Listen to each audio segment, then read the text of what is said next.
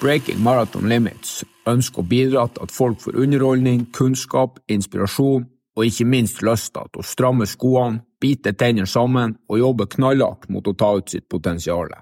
Derfor har vi etablert en plattform på en app som heter Patron, men kall det gjerne BMR+. Her deler vi unikt innhold av høy kvalitet. For prisen av to kaffekopper får du tilgang til ekstremt mye bra innhold. Podkasten Bakrommet, treningsopplegg, artikler, underholdning, videoer osv. Vi legger lista skyhøyt og håper du får glede av det, så nå er det bare å få stramma skoene og bli en del av fellesskapet til BML på Patron. Så løper vi en artig og lys fremtid i møte. Link til appen finner du i episodebeskrivelsen. Og stram skoene! Da var det intro. Vil du lære mer om løping, kanskje? Det er vi nå, og bedre er vi ikke. Kunnskap og inspirasjon fra de aller beste? Det er vi på berømte Ståle. Podkasten for deg som eh, elsker eh, trening og løping. eh. Og vi kommer under 2,20, vet jeg ikke. Men til mål skal vi uansett.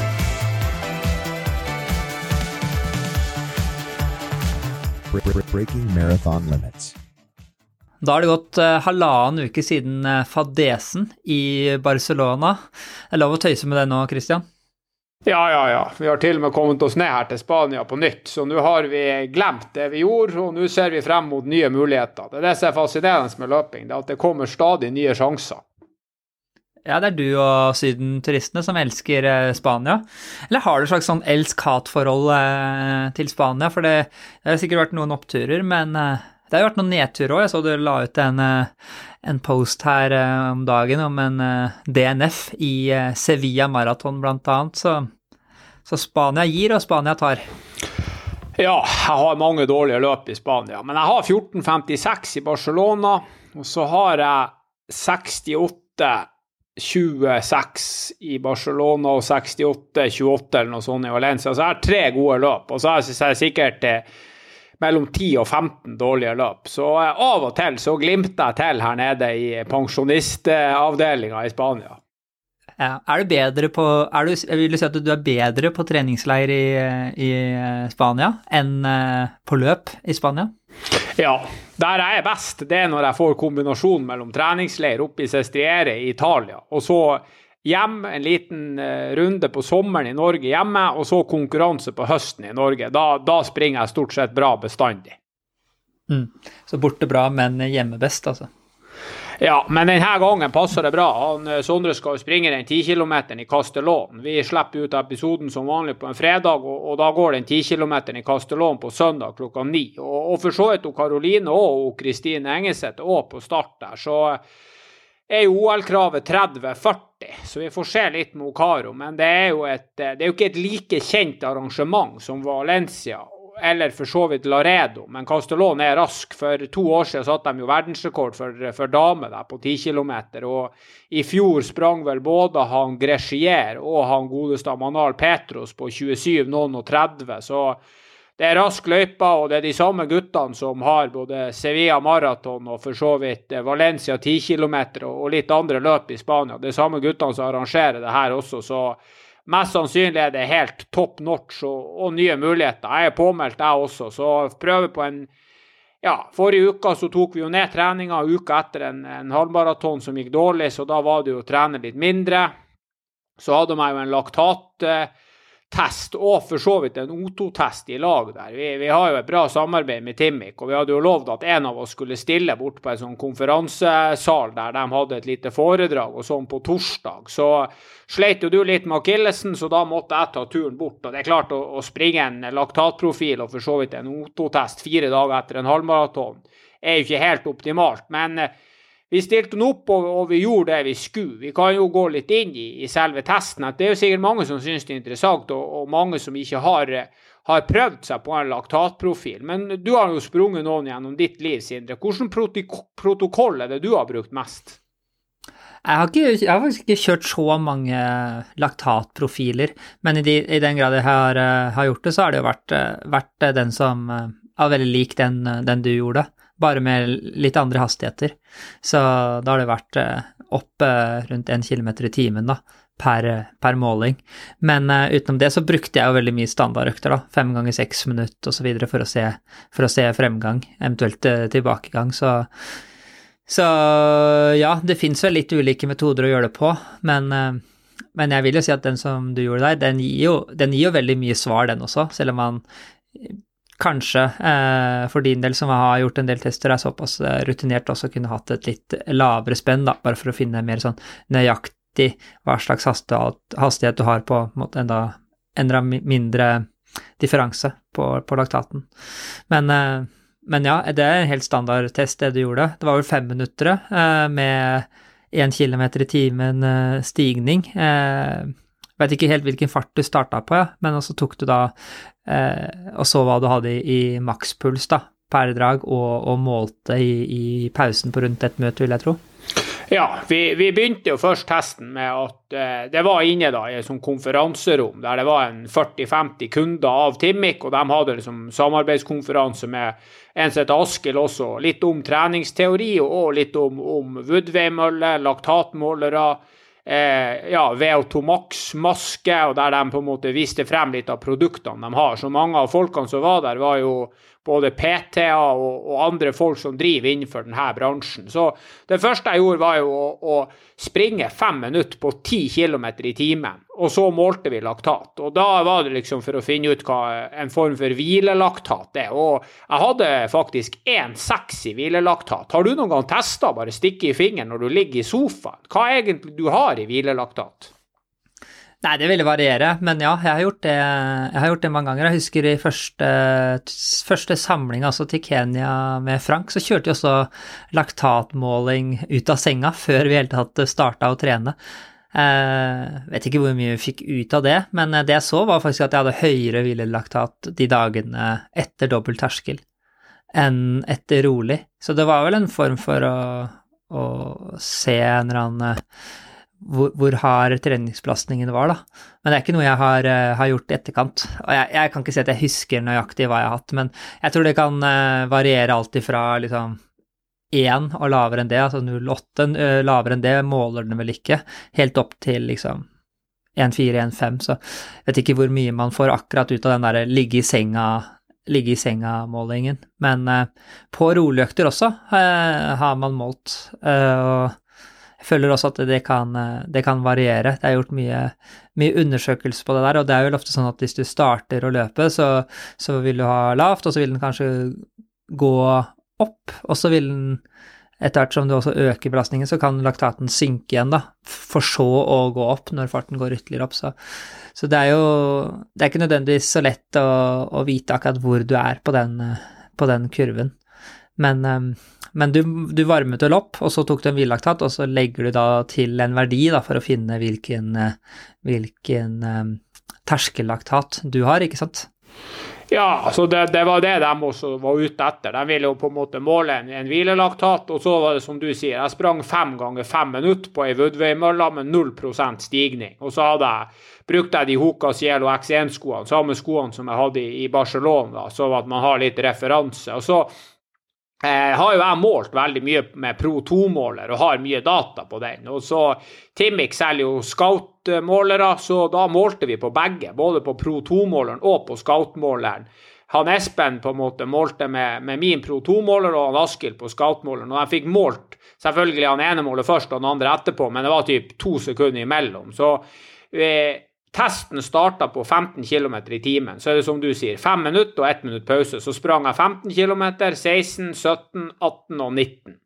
Og eh, målerne målte utrolig presist. Jeg hadde 1,5 i laktat på 4 blankfart, 1,4 på 3,45, som er 16 km i timen. Så hadde jeg 1,6 på 17, som er 3,32.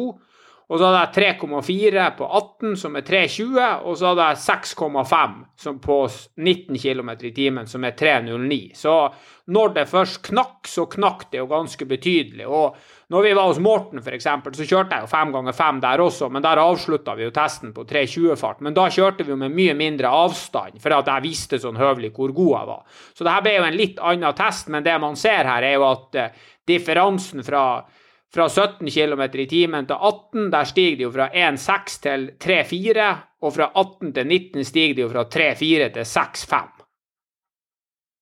Så hadde det selvfølgelig vært interessant å ha noen tall på, på 17,5 og 18,5, men det var pluss-minus der i hugget det var. Hvis du hadde spurt meg på forhånd, så trodde jeg kanskje jeg skulle måle litt nærmere 2 på 17 km i timen og litt nærmere 3 på 18. Så jeg hadde litt høyere på 18 og litt lavere på 17. Og ja, du tenker at differansen der var litt for høy mellom 17-18 km i timen. Da er vi jo på 12 sekunder på kilometeren fortsatt, 3.32 og 3.20. Ja, jeg, jeg, jeg syns og følelsen var òg Jeg, jeg klaga jo etter Barcelona på at jeg hadde svært lav puls og, og veldig lav eh, makspuls òg. Jeg hadde en helt annen kropp på den her eh, ja, på den her laktattesten og den VO2max-testen. Det, det, er jo som jeg sier, vi sprang inne på et konferanserom uten spesielt mye luft, og det var jo 40-50 folk der. Og så er det sånn når jeg springer en test og det sitter 50 folk og ser på, så blir det jo liksom litt heiing, og noen kommer frem og ser litt på tallene. Noen kom frem og så litt på hvordan en måling funker. Noen så litt på datamaskinen, hvordan tall man får ut av ei sånn VO2max-maske. Men jeg, jeg hadde høy puls og ganske god følelse også. så når eh, laktattesten var ferdig, tror jeg jogga i sånn ti minutter, og så kjørte vi en VO2 Max-test. og det, Da kjørte vi på 5,3% stigning. Det jeg kan si der, er at makspulsen jeg hadde, var 176. Så jeg hadde kanskje håpa å komme meg litt nærmere 180, men jeg hadde ikke noe mer å gi. Kanskje det var fordi at jeg var litt sliten etter en halvmaraton, og kanskje det var fordi at at ja, kanskje jeg har lavere makspuls enn jeg tror. Men de har jo en sånn der RER-verdi. Den hadde jeg bare på 1,10. Helst burde den vært litt høyere. Og så på VO2 Max Jeg vet ikke hva, den, eh, hva er det den RER-verdien eh, tilsier, egentlig? Den sier noe om hvor mye du får tatt ut. Jeg er usikker på hva den står for, men jeg tror den RER-verdien burde være 1-2, og kanskje enda litt høyere helst, når man klarer å springe, springe seg helt opp til maks. Men det de leste ut på V2 Maxen var at jeg hadde 65 i, i VO2 Max, men at eh, VO2 Maxen hadde ikke flata ut. Så mest sannsynlig har jeg litt, litt høyere V2 Max. Men om jeg har 68 eller om jeg har 72, det er vanskelig å si. Men mest sannsynlig litt høyere enn 65. Så hvis jeg skal ta en ny V2 Max-test, så er det en fordel å ikke kjøre laktatprofilen først for å være litt mer pigg, og så er det i hvert fall en fordel å ikke ha en halvmaraton fire dager før. Ja. Nei, ja. Jeg, jeg, altså sånn, skal ikke være slem med deg, da. Men jeg håper jo du har litt eh, bedre verdier. Eh, laktat, laktatprofilen din også viser jo på en måte at du har fortsatt en del å gå på da, eh, når det gjelder terskelfart, i forhold til å nå drømmen om 2,20 på, på maraton. Så mm, det er jo der slaget står. Ja, ja, ja. Tallenes tale er jo grei. På, ja. For å springe 3,19 i snitt på en maraton, så må man nok måle rundt på et femminuttersdrag mellom 2 og 2,3-2,4, kanskje. Så det er som du sier, altså. Jeg må bli en hel kilometer i timen bedre. Og så var det jo et annet interessant tall som kom opp der når jeg kjørte den laktatprofilen. Det er jo at siden jeg sprang laktatprofilen med VO2 Max-maske, så får du på en måte opp tallene på hvor mye VO2-forbruk du har på hver hastighet. Og det jeg fikk, fikk ut der, var jo egentlig litt eh, jeg vil nesten si litt fascinerende, men forbruket av VO2 Max til og med på 19 km i timen for meg, der jeg, testet, der jeg hadde 6,5 i laktat, var bare 56. Så ja, hvis du sier at jeg har Vi kan være greie med meg sjøl, og siden 70 er litt finere tall enn 69, så kan vi si 56 delt på 70. Da har du jo forbruk i prosent. Da er jeg, bruk, da jeg bare har utnyttelsesgrad på rundt 80 og det kan gå, det kan også være betydelig høyere. Så det er som du sier, det er mange parametere her som det fint går an å trene på. Ja, og da er det jo god erfaring med å trene på og litt en del under og litt over Ranarov Terskela, som, som, er veien å gå. Det har i hvert fall funka bra for, for mange andre. Nå er det ikke helt sammenlignbar test eh, med det du gjorde hos Morten eh, i, i slutten av november, men for å ta den, da, så løp du jo eh, tre, på 3.20-fart, så målte du jo 4,54. De har en litt mer presis måler som man får for ett desimal til, men la oss si 4,5, og her hadde du på samme måler 3,5. Så det lover jo bra. det har i hvert fall vært en, eh, en stigning i eh, terskelfart, kan man si. Ja, vi er jo bedre enn det vi var i desember. Eh, det har vi jo eh, trodd også basert på treninga, fordi vi har hatt eh, noen dårlige løp. Og, og, og, sånn er det jo av og til. Men, men for det om, om, vi har hatt litt galgenhumor og sånn der, så er det jo Jeg har jo trua på opplegget. Altså, jeg må jo si det. Jeg har jo trua på, som du sier, en, en treningsuke eller en treningsperiode som inneholder flere elementer mellom alt fra jeg skulle si, trening på 1,5 millimål, som er, er lavterskel og kanskje er 3,45 på kilometeren for min del, til 500 meter eller 400 meter som går helt ned mot 5 km fart. Altså, det gjelder å finne en miks her som gjør at eh, du klarer å, å jobbe opp de parametrene i, i forskjellig retning. Men, men, jeg ser jo at på trening jevnt over, så ser jeg jo også at jeg er litt bedre enn jeg var i desember. Så så må vi bare trene videre. Det er klart 65 eller 68 eller 70 i Otto. For det om jeg er født i 1986, så skal det jo gå an å, å både få høyere terskelfart og høyere Otto hvis vi klarer å være litt seriøse og få trent.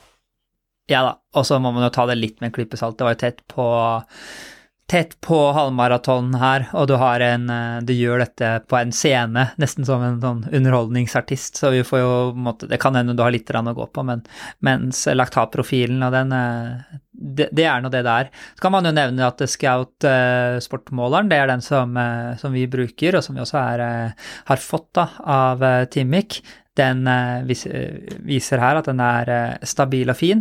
altså sammenligna da med med Lactate Pro 2, som er en, en annen måler på, på, markedet, så måler den bitte litt lavere på lavere hastigheter, på verdier eh, ja, under 2 millimol. Nå har du jo ikke noen målinger på 2 millimol-tallet. Det hadde jo ligget et sted mellom 17 og 18 km eh, for deg, så der veit vi jo ikke eksakt ut ifra denne testen. Og så ser vi at den kanskje måler enda litt høyere, da, på høyere verdier. Så for eh, folk som eh, måte, sammenligner eller bruker målerne over hverandre, eller eh, ønsker å sammenligne tall med en eller annen eh, treningskamerat som eh, kanskje den bruker den andre målinga, så, så, må man bare vite at det kan være litt forskjellige skalaer på de forskjellige målerne. Og for de som ønsker å kjøpe seg en måler, så er det en rabatt på vår Patrion-kanal. Der kan man logge seg inn, så er det 10 rabatt på strips på Scout sine målere, og 15% rabatt på en uh, måler i nettbutikken til, uh, til Timic. Så er i hvert fall det nevnt. Men det er jo gøy da med disse tallene, vi må jo si det. Det er, det er morsomt å se. Og så altså, gir det jo mening da, i forhold til prestasjonen din i, i Barcelona. Så det er, jo ikke, det er jo ikke humbug heller å ta en laktatprofil, og det kan være veldig nyttig å, å bruke til treninga seinere. Det som vi ikke har snakka så mye om her nå, er jo at du får jo også pulsverdier som du kan knytte opp da mot mot eh, laktatprofilen. Så du ligger på 3,4 på 3,20-fart. Det er 167 puls.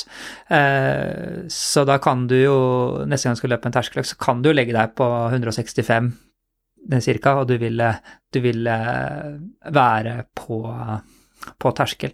Så det går an å bruke, bruke de tallene til noe seinere uten å nødvendigvis ha en eh, laktatmåler, da. Ja, og så er det jo nyttig erfaring. Ja, så er det jo også slående å se, ikke sant. Det var jo ganske stort signal i Barcelona for min del om at uh, det her ikke var helt den prestasjonen vi verken hadde trodd eller håpa på. Og de dagene etter Barcelona så trente jeg liksom 30 minutter på mandag, tok tirsdagen helt av med hviledag, kjørte 30 minutter på onsdag, og så kommer denne testen på torsdag.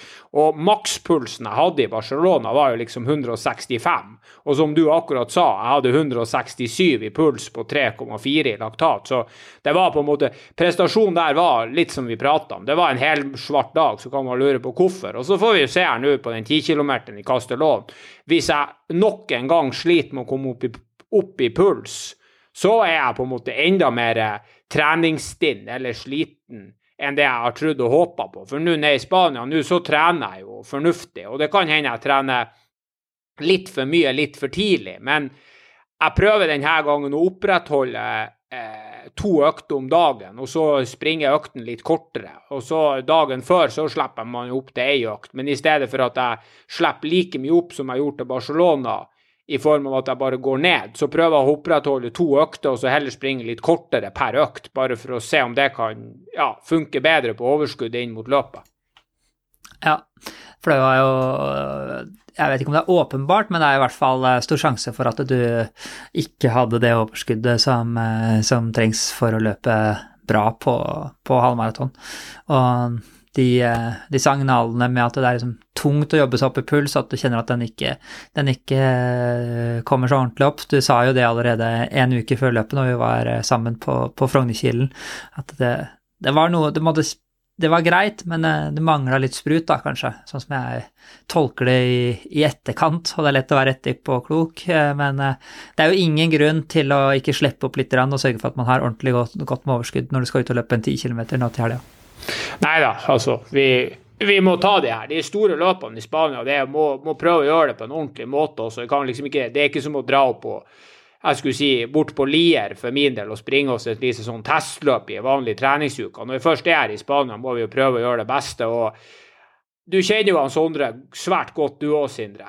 Jeg tror kanskje han Sondre er den fyren i jeg skulle si, i hvert fall i Norge, men omtrent i hele Europa, som har vært mest treningstung på flest løp i sitt liv. Så både jeg og han, vi er jo kun meg og han her nede. Så vi har jo hatt diskusjonstema rundt lunsjbordet om vi for første gang i vårt liv her kanskje skal prøve å ha overskudd på et løp. ja, Sondre hadde vel tøysa med det, at han, eh, han, kunne gi ut en lang bok om, eh, om det å ikke ha overskudd på, på konkurransedagen. Så dere får jo ja, reflektere litt rundt det da, sammen der ved middagsbordet. Det blir vel det blir mye, mye løpesnakk, eh, kan jeg tenke meg? Ja, ja, så for folk som er veldig interessert, så hadde vi jo en stor gjennomgang og, og heia Sverige på bakrommet her på søndag. Men det er klart, man, vi går igjennom litt resultatliste av han Sondre, og så er han ganske altså, Jeg må si det, han Sondre på sine eldre dager er faktisk blitt ganske interessert i politikk og sånn òg, så det er av og til jeg må, må, lese meg litt opp før kveldsmaten her nede, sånn at jeg kan bidra med noe. for jeg, jeg kommer ofte til kort der på politikkdiskusjonene. Hvis han har like god hukommelse på sitater og ja, hvem som mener hva, som han har på resultater, så er han en vanskelig fyr å argumentere med, kan jeg se for meg. Ja da, så eh, det er godt humør, og det som vi har sagt før, Sondre, nei, Sindre, om, om han, at uh, du kan nesten vite på formen til han Sondre bare på å prate med ham med tanke på humøret. Så vi får se til helga. Serei har norsk rekord på 27,39. Om han Sondre er helt der, det er jeg usikker på. Jeg har ikke fått startlista når vi spiller inn her på en onsdag. Men han, han er avhengig av at det ikke går så sinnssykt fort fra start. Sondre. Hvis det skal begynne å springes 13,40 første femkilometerne, så frykter jeg at det kan bli tungt til mål. Persen til Sondre det er faktisk utrolig nok 27,56 fra Praha i 2017, og da sprang han med gamle sko. Så om det ikke blir norsk rekord, så vet jeg at han har i hvert fall lyst til å pynte på personlig rekord.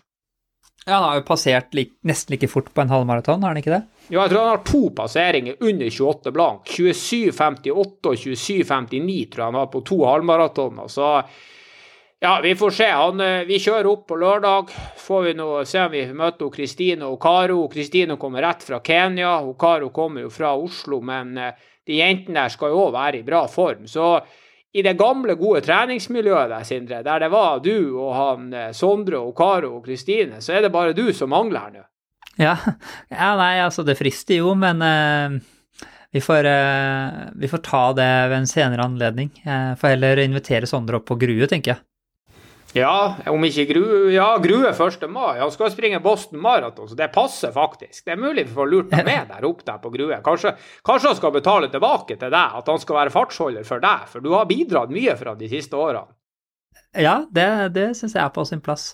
Men du, eh, vi må snakke om en annen ting. Altså, du har jo eh, Det har vel ikke mm, det har vel ikke vært eh, lite engasjement etter din tur i, eh, i Barca. Hvordan eh, Og så har vi jo snakka tidligere om mot, eh, det at du legger hodet på blokka. Det kan eh, både gi energi, og det kan også, også, ta energi. Hvordan har det vært nå i, i kjølvannet av Barca? Er det mange som engasjerer seg og kommer med innspill om hva du skal eh, gjøre fremover?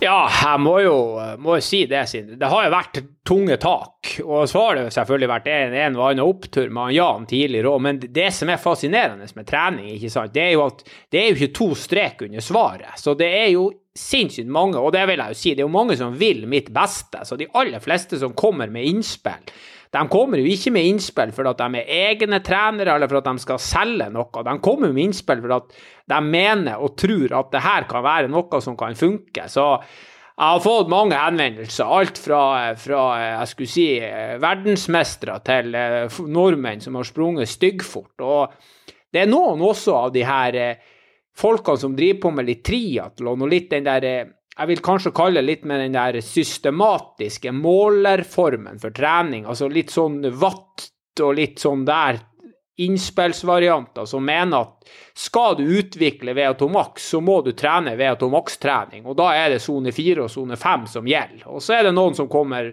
på helt andre sida igjen og, og, vil på det her sone eh, 2-treninga, og at terskeltrening gjør du best med å skru ned intensiteten. Så det er blanda drops på innboksen. Ja, Vanskelig å velge, eller hva du skal gå for? Eller eh, fortsetter du i samme dur og står eh, Du må jo stå litt, i, i, i, litt lenger i, eh, i, det konseptet som du har nå, kanskje, for å, for å, konkludere? Ja, så lenge jeg er med deg her, så blir det å fortsette med det her. Og den dagen du ikke gidder mer, da skrur jeg av internett, og da gjør jeg det jeg har mest tro på sjøl, og det er steinhard hode i veggen-trening. Ja, ja, ja. ja men eh, det er, det, er, det er, fritt fram. Altså, jeg føler eh, Jeg syns det er interessant uansett hva det gjør. Så vi, vi, vi må være åpne for, eh, for, alt mulig her. Ja, verden er jo så det er jo litt sånn der, Jeg også tror jo veldig på terskeltrening, men når jeg var på Bislett i går, så det var en grunn til at jeg ikke hadde med meg laktatmåleren akkurat på den økta, for å si det sånn. Ja, hva det jeg skulle si. Verden er jo kommet dit at folk er blitt imponert av at du springer på 1,07, liksom. Så du får ingen innspill, og du kan la måleren ligge hjemme. Folk de bare registrerer at han Sindre han trener liksom litt det han føler for, men fremgangen, den kommer. ja, fremgangen Man kan jo snakke om både fremgang og, og tilbakegang, da, for min del. Eh, hvis han setter Kommer an på hva man sammenligner med. Så Nei, jeg, jeg slipper jo utrolig nok eh, veldig billig unna, da, i forhold til deg, Christian fascinerende. Mens innboksen din eh, renner inn, så, så, er det ganske ofte stille, stille på min. Det er, mye, det er mye kudos og, og gratulerer med bra løp, og så, så stopper det. Og det, det syns jeg er superhyggelig, altså, at folk eh, engasjerer seg. Så hvis de er, hvis de er enda mer kritiske òg, det, det, er bare å fyre løs. Vi tåler det. Ja, ja, ja, for all del. Og jeg ser jo for det om du slet litt med akillesen, og for det om du ja, kommer deg litt til hektene, så ser jeg jo at når du først trener nå, så gjør du en god jobb. Og jeg tenker nesten vi kan eh, ta ukas økt med en gang, Burås. Det er på tide å få stramma skoene og komme seg på jobb. Det er ukas økt. Spalta som skiller vanlige folk fra sinnssyke folk av og til så går vi jo nesten litt tom på ukas økt, men ukas økt denne episoden, det var økta du gjennomførte på tirsdag. Så kan jo du fortelle litt om økta, og, og litt hvorfor det ble en sånn type. Ja, vi har jo en gjeng som eh, løper intervaller sammen på, på tirsdag kveld inne på Bislett stadion. Eh, og i, i runden eh, under på, i bunkeren, som vi kaller det, 546,5 meter for å være eksakt rundt der. Og da er det jo veldig naturlig at vi løper på runder. Så har det blitt mye av det samme, liksom ti ganger to runder, også noe énrundere, også kanskje noe trerunder og noe firehundre. Så driver vi jo med lange løp, eh, og vi ser jo det også for min egen del, at det er jo det, er jo det sammenhengende løpinga treninga og kanskje det å løpe litt lange drag eh, i relativt høy fart, da, som, eh, som, vi mangler, eh, både jeg og, og, flere av oss. Så i stedet for å kjøre helt kontinuerlig arbeid, så kjørte vi en tirunders, én ganger ti runder først, og så kjørte vi vel to ganger fire runder, og så to ganger to runder, da. Og så prøvde vi å gjøre, gjøre altså økta progressivt, sånn at det gikk, gikk raskere og raskere. Så for hvis man skal direkte oversette det da, til en, en økt som ja, folk som ikke har tilgang på, på Bislett stadion, så kan de jo løpe 18 minutter første draget, 7 minutter, 7 minutter, og så 3 minutter tre minutter. Så syns jeg man skal være litt raus med pausen på, på etter, etter de første, første ti rundene eller 18 minutter. Da kan man gjerne ta tre, eller gjerne fire minutter pause hvis man, hvis man trenger det. Fylle på med litt, eh, litt karbo, eh, så man er klar for resten av økta. Så kan man kjøre to minutters pause på på de to neste dragene, og så kan man ta 90 sekund pause da, mellom de to treminutterne. Så må man prøve å øke farten jevnt og trutt, ligge på ja, et sted rundt uh, maratonfart i starten av det første draget, kan jobbe seg ned mot uh, halvmaraton på slutten, og så prøve å ligge og kverne litt på terskel halvmaraton uh, på de siste dragene. Så blir det en, en solid økt, det der også. Ja, og det gjennomføres litt og litt progressivt, og når du starter den første tirunden, springer du jevn fart hele den tirunden, eller går det litt progressivt i, i ja, i, hvis vi sier 18 minutter? Springer dere den første 18 minutteren litt progressivt også?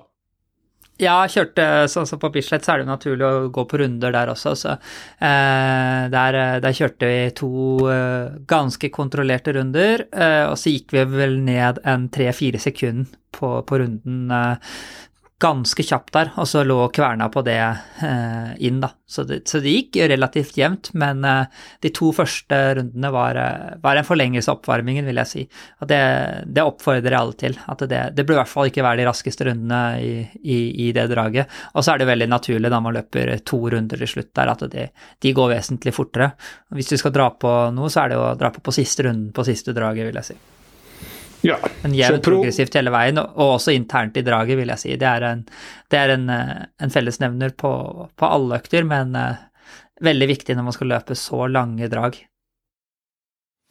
Hvordan syns du sjøl liksom, det å starte med et så langt drag? Er det nesten ork underveis der til å være intervall og springe så langt som 18 minutter på første drag, eller tenker du at det, det er et fint, kall det for sånn sone tre-drag for å komme i gang med?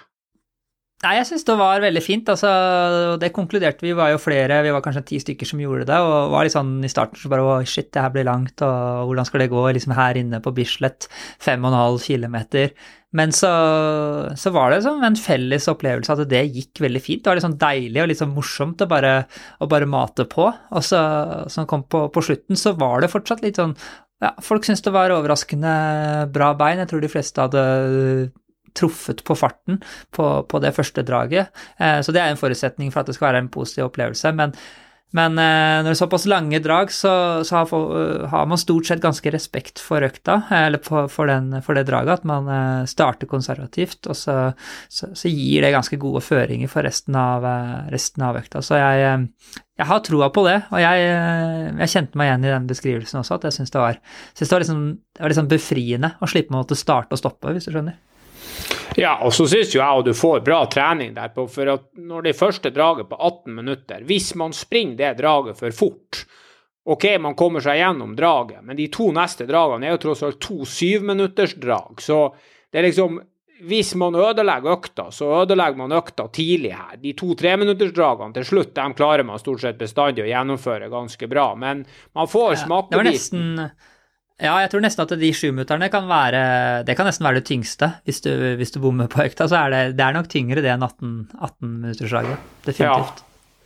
Nei, det var fin økt òg. Bra med dragtid, ikke sant. Det er oppe på 38 minutter her, og, og såpass langt førstedrag som 18 minutter. Og det, det er litt fint å se liksom, når dere velger økt der inne på Bislett. Du prater litt om få litt variasjon i treninga, ikke sant. 18 minutter, det kan selvfølgelig være 20 minutter òg, men det gjelder å se på totalen. og Kjenner jeg deg rett, så ville du ha en plass mellom 35 og 40 minutters dragtid. og Så vil du ha det litt progressivt. Så syr dere sammen noe den der gangen som ja, litt, ei litt unik økt, men samtidig mest sannsynlig like bra som om du hadde kjørt 9 minutter og 9 minutter i stedet for 18 på første.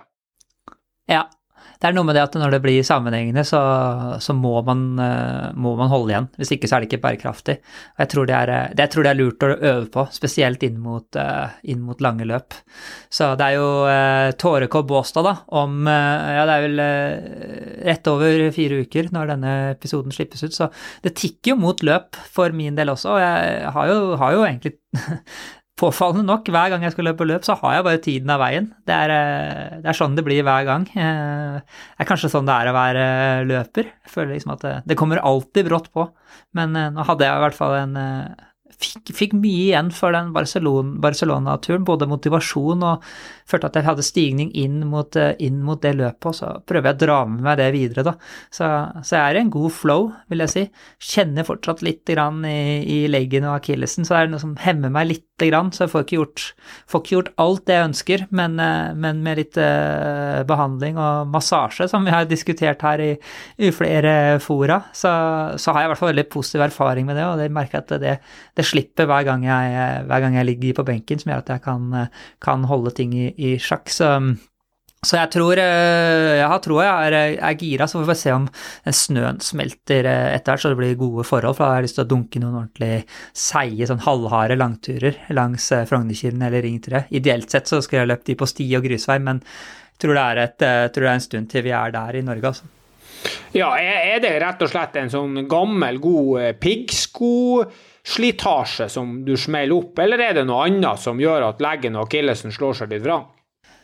Nei, det tror jeg bare ble litt Jeg hadde jo slapp meg ordentlig ned i, eh, i, januar, og det har vi diskutert mye. Og så ble det noen intensive dager der med, med litt mye jobb. Eh, jeg jobber jo som, eh, som trener for bedrifter og sånn, og så det kombinert da med trening sjøl på tirsdager. Så det var noen, noen, tirsdager der hvor jeg hadde en trening på morgenen, og så var jeg med bedrift på, på, ettermiddagen klokka seks, og da løp jeg med litt dårlige sko, eh, blant annet. Eh, og så hadde jeg direkte derfra eh, en økt på, på Bislett innendørs, så, så, det ble fort vekk en tre-fire mil sant, på den andre økta den dagen. Så, så da, da, da, sier det seg sjøl at da, da kan, det, kan, det, bli en litt sånn økt belastning. Så det, det går litt fra, fra 0 til 100 for meg iblant, og da, da kan det hende at jeg Eller da får jeg noen ganger uh, kjenne det. Så, det. så, det. er bare rett og slett litt sånn Jeg skal ikke si hodet under armen, men uh, too much too soon. Men uh, ja. Liker å ta litt risiko også da, på trening, så det er ikke sånn at jeg jeg, jeg, er jo klar over at sånne ting kan skje, men jeg føler ikke at det er noe mer krise enn at jeg helt fint klarer å holde det i sjakk, og har, har fått diagnostisert hos Arne Olav nede på, på Magnat, og ingen fare. Så det er eh, bare å trene på og sørge for at det ikke blir, blir for ille, så vil det, vil det nok eh, myke seg opp og gå over etter hvert. Ja, det er jo greit at du har vondt i akillesen, men han godeste Katir han har et svært stort problem nå, Sindre. Han er rett og slett utestengt i to år. Det var ei syltynn forklaring, og det er ingen anke som er meldt inn, så han mister rett og slett OL i Paris til sommeren og VM i Tokyo til neste år. To år borte. Ja, ja, det er bare eh, trist, men eh, på sin plass, så klart. Man kan ikke si noe annet. Det her er uh, ingen hold i forklaringa. Det er Det er litt pussig at man går ut og sier sånn og sånn, og så blir man jo avslørt rett etterpå. At man måtte i hele tatt våger. Det er liksom man er ikke i posisjon til å drive med, med løgner når man er under etterforskning på den måten der. Så, så det mister jo dessverre all troverdighet. Og så er den jo ikke tatt for noe ulovlige stoffer, men man kan jo bare spekulere, da. I hvert fall uh, brudd på meldeplikten, og det er ikke lov. Og det er en uh, så enkel jobb, det, det, det, å fylle ut de, de, de, stedene der inne på den appen, at det, det, er noe man definitivt skal kunne forvente av en utøver på, på det nivået der. Så da er det sånn syns jo det er synd at man uh, mister jo en, uh, en, karakter, og en som har vært i sirkus noen år, som har uh, vist ja, altså ekstremt gode løpeprestasjoner og bidratt til gode, gode dueller mot, mot, Jakob og sånn, men nå ser vi jo at det kanskje har vært på, på feil premisser, og da, da, hører det så klart ikke hjemme i, i noe mesterskap, men man blir jo bare trist av sånne skjebner. Man, man, man, tror jo på de Man ønsker jo å tro på, på de som man eh, ser på TV, men eh, dessverre så har, eh, har jo fortsatt friidrett og utholdenhetsidretter et, et dopingproblem. Så, så det, det, det, beviser jo bare viktigheten av å ha et bra antidopingsystem, og ikke minst eh, meldepliktsystemet, som jeg mener at vi bare må som, eh, som, sport, da. Intensivere og få enda flere utøvere på. Det, det viser seg jo også både på, på fjelløping, på baneløping, på maratonløping. Og det, det, det, må bare noen finansiere på en eller annen måte og legge til rette, fordi det kan ikke være sånn at det er bare norske utøvere som skal være på, på meldeplikt. Nei, og så er jo en del av jobben å, fylle ut. Er du god og du er på meldepliktliste, så er en del av jobben å fortelle hvor du er, og du må være disponibel. Og Sånn må det være for alle. Og når du har brutt regelen én gang, så burde du, burde du begynne å bli litt svett på ryggen. Og når du bryter for andre gang, da burde alle varsellampene i hele verden begynne å blinke. Og når du ryker for tredje gang, så fortjener du også din straff. For da, uansett om du er ren eller ikke, så gjør du ikke jobben din, og da må du ut. Og det systemet her må være likt for alle. og han Katir ble to på 5000 meter i fjor i VM, og nå er det rett ut. Så det er jo for så vidt bra òg at de tar de aller, aller beste. Ja, og vi snakker litt om dette her i uh, Proffdrømmen med Jakob Potera, så det, det kommer jo enda litt mer også utøverens, utøvernes perspektiv på det her. Da. Så, så det er bare å å fylle på. Og vi kan jo også nevne i den setningen at det er jo også en sak pågående i Norge, som vi snakka om eh, sist gang med Stian Angermen. Vi har ikke fått noe mer eh, nyheter om det, men vi, vi skal eh, følge opp det også når, vi, når, vi, når det kommer noe mer derfra. Så, så vi, vi, vi følger med på det og tar det tar det når det kommer videre. Så bra at ting blir eh, fulgt opp. Trist for, eh, for sporten at sånne ting skjer. Det er vel eh, konklusjonen her. Ja, og heldigvis så finnes det andre ting å prate om, så det er bare å rulle videre til han Brynestad. 19 minutter om nålebehandling og litt hva som funker. Han, han gruer seg til det her, han godeste Brynestad. Det har vært mye nålebehandling på Team Ingebrigtsen. Det finnes sinnssykt mange forskjellige klinikker som bruker nålebehandling og akupunktur og forskjellige løsninger. Så eh, det er bare å holde seg godt til rette, så får vi se om han Brynestad blir truffet med noen lastebiler fremover. For han, eh, han var ikke nevneverdig eh, positiv og hadde trua på nålebehandling. Såpass kan jeg jo si. Jeg skjønner. Nei, men vi, vi setter over, og så hører vi hva han har å si.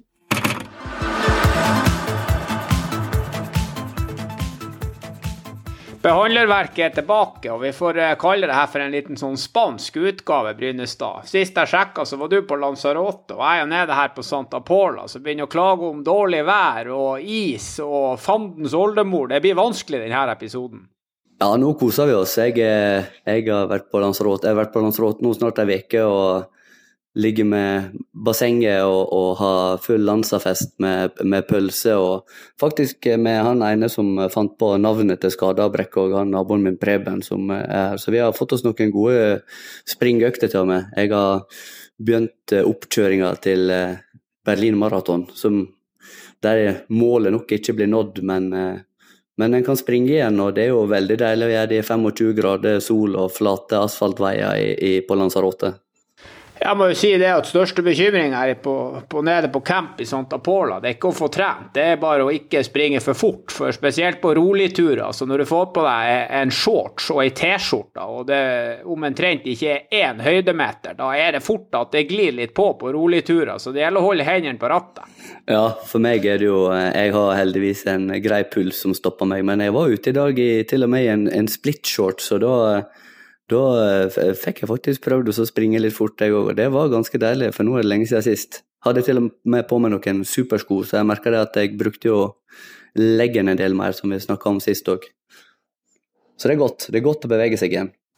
Ja, og, og ukas tema, det er Vi får si det. Det er litt sånn eh, blanda drops jeg tar opp med det her eh, med det Brynestad. Jeg er usikker på hva du egentlig mener om det. Men ukas tema det er rett og slett nåle og nålebehandling. Hvor er folk med, med god utdanning og egne klinikker som ikke er fra fra, øst, ja, fra Østen og er vant til masse nålebehandling osv. Hva, hva mener egentlig guttene på behandlerverket, og, og hva tror du med nåle i forbindelse med utholdenhetstrening?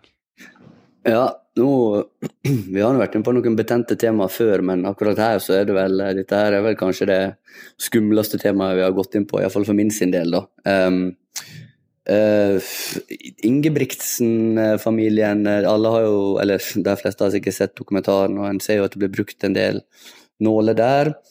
Um, og jeg, mener òg at det ble nevnt i denne uh, dokumentaren at det var det, var liksom det de sverga til. da. Og Det vet jo sikkert du bedre enn meg òg, for så vidt, at de, om de bruker veldig mye, eller hva de gjør.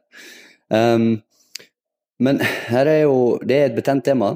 Eh, folk husker sikkert at eh, Folkeopplysning hadde en episode om det. Det har vært en diskusjon over lenge tid, egentlig. Og, så for å slå det sånn for å slå litt fast da, først sånn, definere det litt. eh, Nåle, nåling er det akupunktur, dry needling, tørrnåling. Altså en kan kalle det hva en vil, men vi må uansett sette under paraplyen alternativ medisin.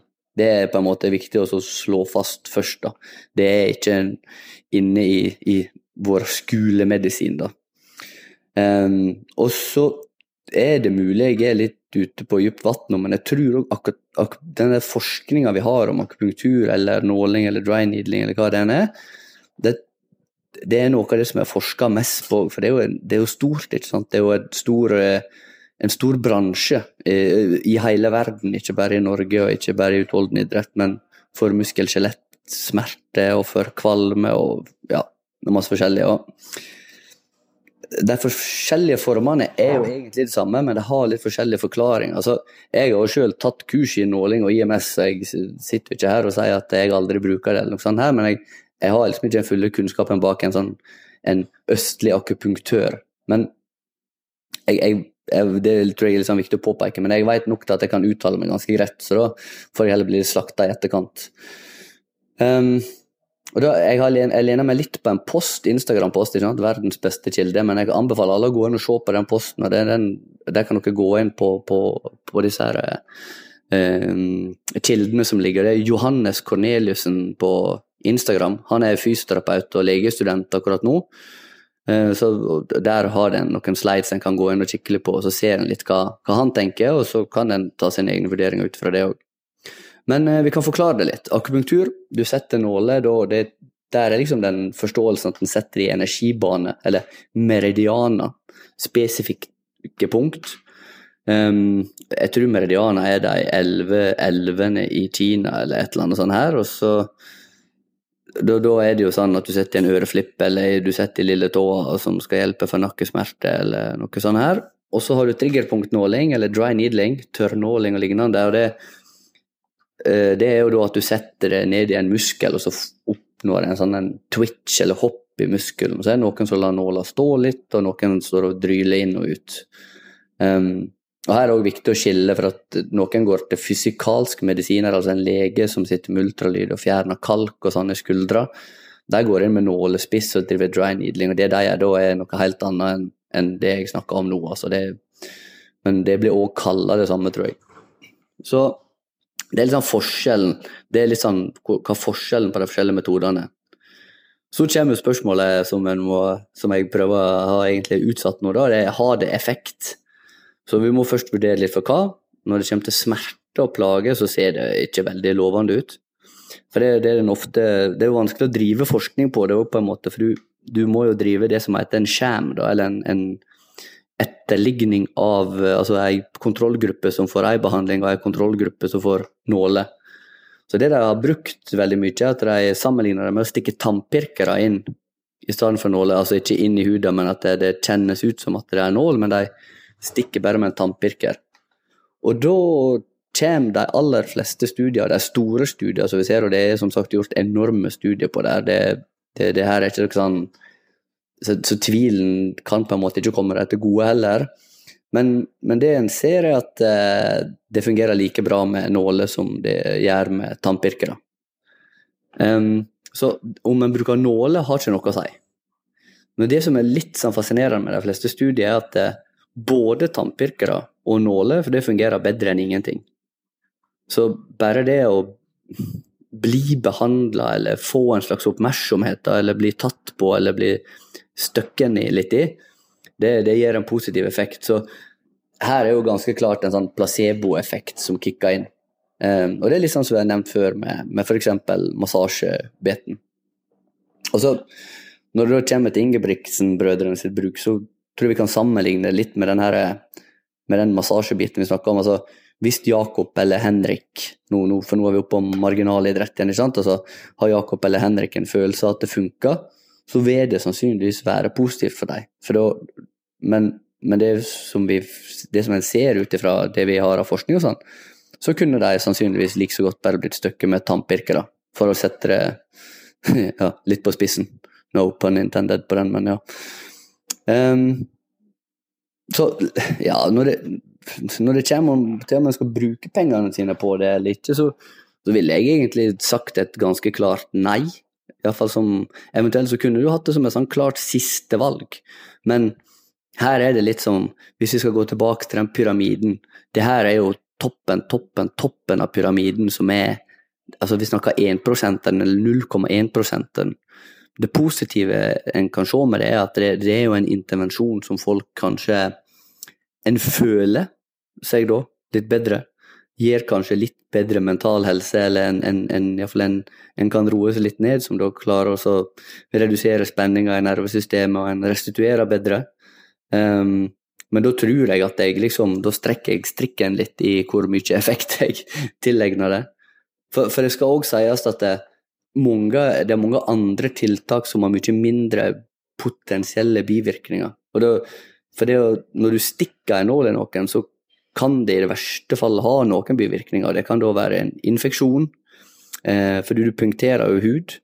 Eh, selv om en sikkert de fleste er flinke å være renslige, bruke hansker og, og, ikke ha noe eh, påvirkning utenfra og bruke ferske nåler og sånn, men en veit jo aldri. Uh, og I tillegg så er det rapportert en del sånn punkterte lunger for folk som setter nål i ryggen og går litt for dypt, og så, og så kan det skje sånne ting, da. Um, men litt avhengig av hva det er for, så, så tror jeg en kan si med ganske jeg kan nok si ganske basant at det, det er ikke et primærbehov en har som mosjonist. Eh, supermosjonist eller, eller toppidrettsutøver. Med mindre en syns det fungerer veldig bra for seg sjøl, og en har, Og en har liksom eh, En har eh, gjort det en kan på de andre premisser, de andre tinga som ligger til grunn. Da. En, en optimalisert kosthold, en optimalisert treningsbelastning, en optimalisert alle de andre tinga. Så er det her noe som ligger helt, helt, helt, helt der oppe, som du kan bruke som en sånn siste liten spiss. da. Um, men det er ikke så veldig mange enn de ytterste, ytterste toppidrettsutøverne som klarer å optimalisere alt rundt. Så kanskje ha fokus på det først, tenker jeg der. Ja, så det å bruke nåler for å øke blodsirkulasjonen, eller at man klarer å treffe noen nerver som gjør at uh, stivhet i muskulaturen slipper, eller noe sånt. Alt det her det er egentlig bare sånn uh, no sense. Uh, man har hørt og lest og litt sånn rykte på gangen. Det er ingenting av det her som egentlig har noe for seg. Nei, det tror jeg altså, altså ikke. Så om det er noe sånn her blodsirkulasjon, bedring, det, det skal ikke jeg være helt sånn 100 på, men det er lite, iallfall. Det er en effekt som ikke vil ha en sånn enorm eh, en, en Noe som en egentlig trenger å se på som en statistisk signifikant eh, effekt, tror jeg. Um, å treffe nerver vil du helst unngå, for at da, da vil en jo få store vansker og problemer. Det er jo det som skjer av og til. Treffe nerver er jo noe som blir gjort og, som en potensiell bivirkning på det her, men det er ofte mer med sprøytespisser og sånn. Og det er sånn noen, jo, noen som gir blod eller tar en blodprøve, kan, da kan de komme bort til nerven, og da får en litt sånn her eh, nervesmerte ut i armen av og til hvis en bommer litt. da. Eh, men eh, nei, så jeg, jeg tror Ja, sånn, sånn triggerpunktbehandling, liksom. Og de her Nå er jo ikke jeg noen ekspert på det her, liksom, men jeg har jo, sutt, jeg har blitt satt noen nåler på i mitt liv, jeg heller. Det er jo noen som hevder at sånn der triggerpunktbehandling kan funke, og at ja, forårsaker hvis en muskel er litt stram, eller noe sånt, så kan det forårsake liksom både lokal og, referert smerte òg. Ja, altså eh, Det er jo en litt sånn her annen ting å ta opp. Det kan vi jo godt ta en episode om òg, men triggerpunktsbehandling vi, Triggerpunkt er nok òg en litt sånn her eh, gammel myte omspunnen eh, eh, ikke bare diagnostikk og behandlingsform. For det, vi har egentlig ikke klart å identifisere noen triggerpunkt. og vi Triggerpunkt i, i for seg sjøl er egentlig ikke en, en, en uh, Hva skulle jeg si En ekte Det er ikke noe forskning som har, har identifisert av muskelknute, energibane, triggerpunkt eller andre punkt som du som sånne, Det blir jo litt alternative behandlere mener de treffer. da. Så, så, når det blir gjort noe der, så er det sannsynligvis bare at uh, det fungerer jo bedre enn ingenting hvis en har trua, og hvis en føler det funker. Så det er jo mest sannsynligvis det som har skjedd når du har fått uh, en nål da, i et triggerpunkt, eller noe lignende. Det er iallfall det som er ganske klart. Men akupunktur og nålebehandling, er det akkurat det samme? Ja, det er egentlig det. Dry needling, tørrnåling, akupunktur eller nålebehandling. Det er kjært barn har mange navn, men det, i bunn og grunn så er det det samme behandlinga, med, bare med litt sånn ulik forklaring. Eh, en nål blir satt inn, og den gjør det den gjør, og, og så er bare forklaringsmodellene litt annerledes.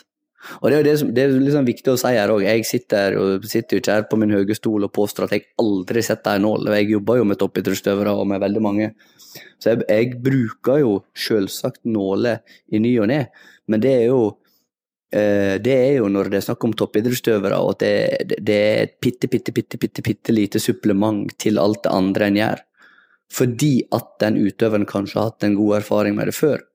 Og da er det men, men så det en burde gjøre da, mener jeg da, er at hvis jeg ja, Si at det er noe han eh, Jakob Ingebrigtsen eller hvem nå enn det er, så, så passer det jo aldri å teste ut om andre eh, Kanskje andre tiltak kan fungere like bra.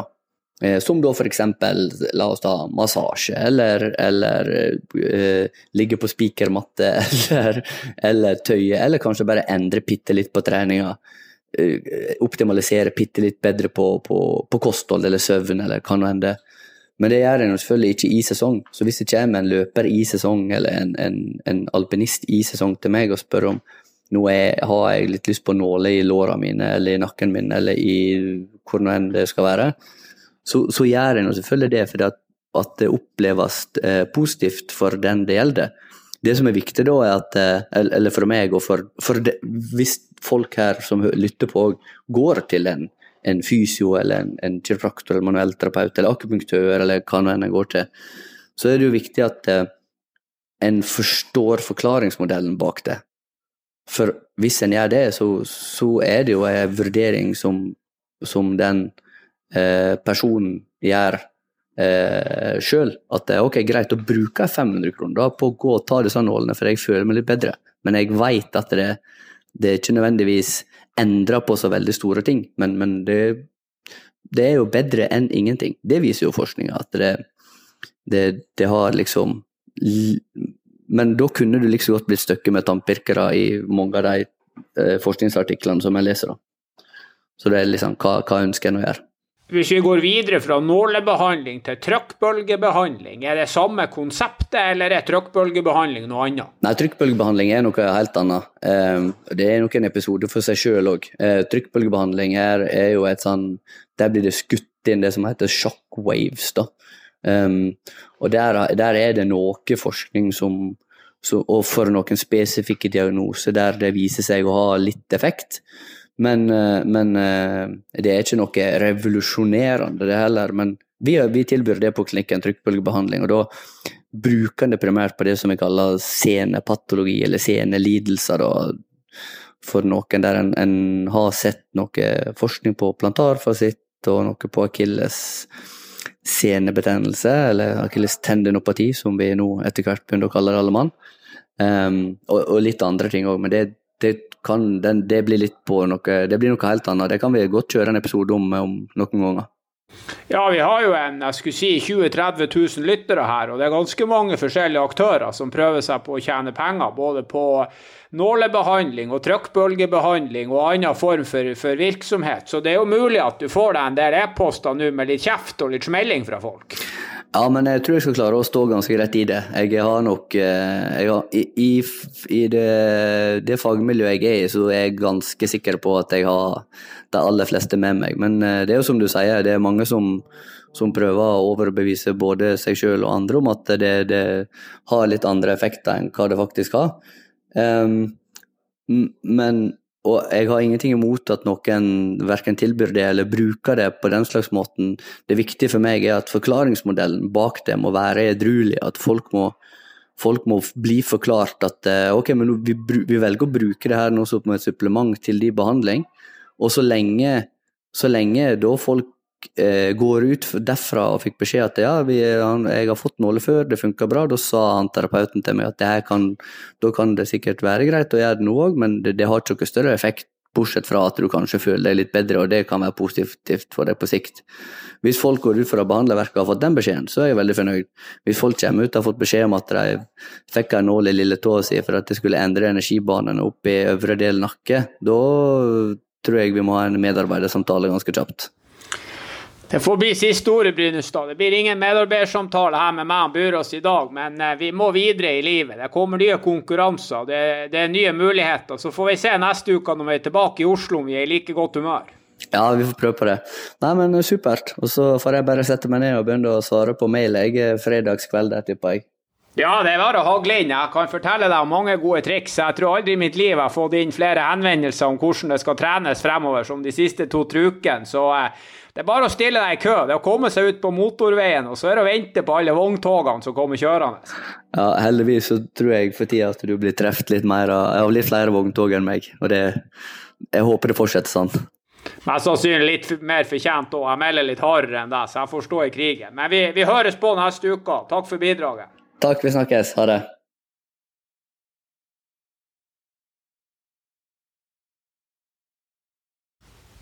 Da takker vi guttene på, på behandlerverket, og så får vi rulle videre. Konkurranser som kommer, ja. Episoden her kommer ut på fredag, og på fredag da er det 3000 meter innendørs i Madrid. Og der er både Per Svela og Narve på start. Så, så, får vi se litt her, Burås. For Per Svela sin del var det jo en Jeg får jo være så ærlig å si en, en blytung start. Du reiser jo ikke til ja, til Frankrike for å springe på åtte blank på 3000 meter, som han Per endte opp med sist her. Men uh, guttene er klar, får vi se. Han med Carl er på, på start, han spanjolen. Ellers så har jeg ikke fått, uh, fått, noen andre navn. Så får vi se. Han Jeg vet ikke hva vi skal mene om han Arve i februar på en 3000 meter, Sindre. 7,40 det må være minimum. 7,35 det er kanskje bra, og 7,40 det er minimum. Ja, det kan man si. Og så, så, får vi ikke legge for mye i innendørs resultater. Hvis man skal gjøre det, så kan man jo både få både høye forventninger og lave forventninger uten at det nødvendigvis eh, gjenspeiler seg til, eh, til sommeren. Så vi får bare ja, håpe at gutta har henda på rattet, og at de er på, på stø kurs. Per eh, overbeviste jo med en veldig bra fem kilometer gate i Ja, var det i vinter eller var det i høst? Eh, tiden går både fort. Det var i november, tror jeg. November i Lill. Ja, i november, ja. Ja, så, så han, eh, han er jo vært i framgang i forhold til det han har prestert tidligere år, og så har det jo skjedd ting på familiefronten og sånn der også, så det er han har ikke vært på samlinger, så det er mange ting som kan, eh, som kan eh, forklare at det var litt tung 3000 meter, så jeg tenker ikke at vi skal konkludere noe ut ifra den, men det er klart at det er jo, når folk løper fort innendørs, så er det jo tydeligvis på på rett vei. Da har de i hvert fall evnen til å, til å komme raskt i form, tenker jeg. Og sånn som Josh Kerr, som overbeviste veldig innendørs nå i, i, et par stevner i USA. Det er jo sånn at man man, man tenker jo ikke at det er bra at han løper så fort innendørs, fordi at da eh, bommer han med formen. Men samtidig, hvis Narve ikke nødvendigvis overbeviser eh, innendørs, så er det ikke sånn at jeg heller er veldig bekymra.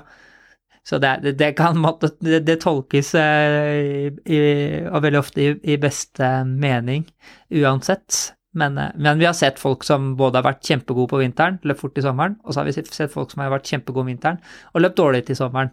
Så, så det, blir, eh, det blir, spennende å se. Det er gøy at friidrettssesongen allerede er i gang. For det er, det er noe som skjer hele tiden igjen, og vanskelig å, vanskelig å holde, følge med, holde følge på alt. Så det er fint jeg har har deg her, som, eh, som er uh, veldig oppdatert. Så vet jeg at du også har en veldig god uh, informasjonskilde i, i Sondre Nordstadmoen. Så det er ikke mye løp og løpere som skal gjøre mye før, før, vi får det med oss. Nei, og så blir det spennende å se hva de tenker om VM innendørs. Nå så vi jo at han, VM innendørs går jo i Birmingham, og vi så jo at han Kerr vil springe 3000 meter på VM innendørs. Så får vi se. Han Narva jo tidligere uttalt at han har lyst til å være med. Skal de springe 1500 meter? Hvis han Per kommer seg inn på ranking, er han interessert i å springe VM innendørs på 3000? Vi får se litt hvordan det kommer, men det er jo som du sier, Sindre. det er det er innendørs, og det er både EM og OL til sommeren, så vi skal ikke legge for mye i det. Men det er klart, vi, vi heier jo på guttene og håper at de får gode opplevelser. Ja, Kan du nevne at det blir sendt på VGTV, da, faktisk, for de som er interessert. Ja, de har gjort en bra jobb der med VGTV. Jeg tror de har hatt en del av det innendørsløpene. Så for friidrettsentusiaster så får man jo bare Og, og vi er på, på ingen måte sponsa av VG heller, men vi syns jo det er artig at de ja, plukker opp hansken og får kjøpt seg litt rettigheter og får vist litt friidrettsstevner. Et VG pluss-abonnement det har nå de aller fleste råd til, så der er det i hvert fall mulig å få sett det. Ja, så vil vi gå gjennom resultatene på Clubhouse eh, live eh, søndag kveld klokka åtte. Hvis ikke du er på reise hjem igjen, nei, da, da er du fortsatt i Spania, så da får vi live-resultater både fra er ikke live-resultater, da, men vi får ganske ferske rapporter fra både løpet og, ikke minst eh, ditt og Sondre sitt løp, så det legges også ut på Patron-kanalene våre. Det er det som kalles eh, bakrommet, så følg gjerne med der, så, så er dere enda tettere på resultatene. Terskel. Trening.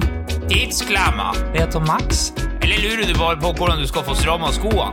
Her nytter det ikke å brenne inne med noe, for nå er det tid for å fyre i gang lytterspørsmål. Så har jeg hooka av tre, tre lytterspørsmål denne uka, så vi får ta dem før vi går videre til Ampotera på Proffdrømmen. Men uh, her er en som lurer på forberedelser til, vinter, til maraton vinterstid. Det er kaldt, glatt og ugunstig med raske, lø, raskere løping ute. Hva tenker dere om å legge siste timen av langturen inne på mølla for å få opp litt hastighet og puls? Ja, det tenker jeg kan være fint. Jeg tror jo om du kjører siste, det har vi jo snakka en del om, og det har jo vært eh, faktisk ganske positiv erfaring med å kjøre første timen på på høy hastighet, og så neste time på, på, rolig. Så jeg tror ikke det spiller så veldig stor rolle i akkurat dette spørsmålet her.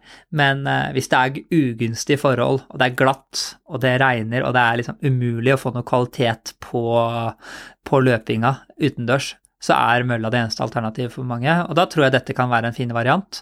Bare bytte om klær, eh, og så kjøre da kvaliteten på mølla under gode forhold. Og da kan man også treffe på fart, og man kan eh, få i seg næring osv. Så, videre. så kan man eh, gjerne løpe det, det rolig ute med piggsko eller et eller annet. Men jeg tror det er en dårlig idé å ha gode, store ambisjoner om maraton og gjøre maratonforberedelsene på is og snø og dårlige forhold, rett og slett. Så så ikke ha dårlig samvittighet for å, for å, gjøre den på mølla. Ideelt sett så skulle man vært ute i så like omgivelser som, som maratonløpet. Det, det, må vi kunne si, og det merka vi også i Barcelona og mange andre nordmenn som, som, som, var der nede, følte at de ikke var helt forberedt på det å løpe 21 km på, på hardt underlag. Eh, så så det, det, det, gjelder også på, på halvmaraton. Så spørs det på en måte om eh, man faktisk skal ha de største ambisjonene da, i en eh, vintermaraton eh, når man er norsk. Men, eh, men, det er kan du si et annet spørsmål. Ja, jeg er jo enig med deg i det. Det, det finnes jo en mann som Joe Klecker, f.eks., som er en av de her amerikanerne som har Ritznam uh, trener. De kjører, har kjørt denne uka f.eks. ei, økt som de kalte for long run workout, der de gjør ei stor oppvarming og så en intervall og så en litt større nedjogg. Jeg tenker òg at det her er en form for å være smart og, og få litt variasjon. Og det som Sindre sier, er det dårlig ute, kjør ute først og så inn en gang kan du prøve å kjøre intervall først inne, og så springe langt ute etterpå. Det kan hende at det er mange veier å oppnå det samme resultatet, men det er størst sjanse for å få et best mulig resultat å springe maraton på høsten i Norge. Hvis vi går, videre til neste her, Sindre, så det får Egentlig så er det litt sånn som han spør om det. Det kunne nesten hatt en egen episode med tema om formtopping. Men hva du tenker de siste 14 dagene før konkurranse inn mot en halvmaraton? Hva du som eh, Nå bomma jo jeg ganske kraftig her, men si at man er i bra balanse på treninga, og man har 14 dager igjen. Hva du tenker man skal gjøre her? Hvis, si at du er på et nivå der du springer rundt fire blankfart på kilometeren, så 1,24. Hva du tenker om siste uka i form av in intensitet og, og litt hvor mange økter? Ja, nei, altså, du hadde jo, du hadde jo litt ganske dårlig erfaring nå, kan vi vel si. Men så hadde jo jeg egentlig tilsvarende god erfaring med å kjøre den økta som eh, vi gjorde en uke før. Og det var jo en, eh, det var jo tolv ganger 1000 da, med annethvert. Det, det, det ble jo ikke helt sånn som vi hadde tenkt, for det var jo veldig rare forhold. Det blåste jo kraftig motvind på det draget hvor vi skulle løpe lett, eh, og så blåste det kraftig medvind i det draget hvor vi skulle løpe på en måte hardere. Men så viste det seg på en måte at nesten innsatsen var den samme, selv om vi løp 15 sekunder saktere den ene veien. Men eh, en sånn type økt tror jeg fortsatt på, men det er liksom gitt at, eh, at man har overskudd inn i økta, og, og, så trenger man kanskje ikke å løpe 12 ganger 1000. Og så er det viktig at man ikke løper seg helt i, i senk på økta, da. Så det kan hende at du at du fikk litt dårlig opplevelse, og at du kanskje tok i litt mye, for mye, og så var forholdene litt de, de, spilte ikke på lag, gjorde kanskje at den økta ble litt vanskeligere å gjennomføre sånn som vi tenkte. Også at du hadde litt eh, manglende overskudd inn mot økta, da. Så hvis man prøver å eliminere de, de tingene som, som, kanskje jobba imot for din del, da, så, så, tror jeg fortsatt det er en bra økt. Også to uker før så tror jeg jeg faktisk ville kjørt en eh, ganske lang tur. en to til tre mils tur, og den kan gjerne gå litt rolig. Utenom det, trene ganske normalt, men, eh, men slippe kraftig opp da, siste uka. Uh, man kjører én eller to intervalløkter, det kommer an på hvor mye man trener, men uh, en sånn Jeg kan godt kjøre en sånn seks ganger 1000, eller to-tre ganger 2000 i midtuka der, uh, samme uka som konkurransedagen. Og da kan man, kan man, gjerne kjøre på rundt, rundt halvmaratonhastighet. Hvis man skal ha to intervalløkter, så er det jo å kjøre to ganske ganske lette økter, altså, vil jeg si.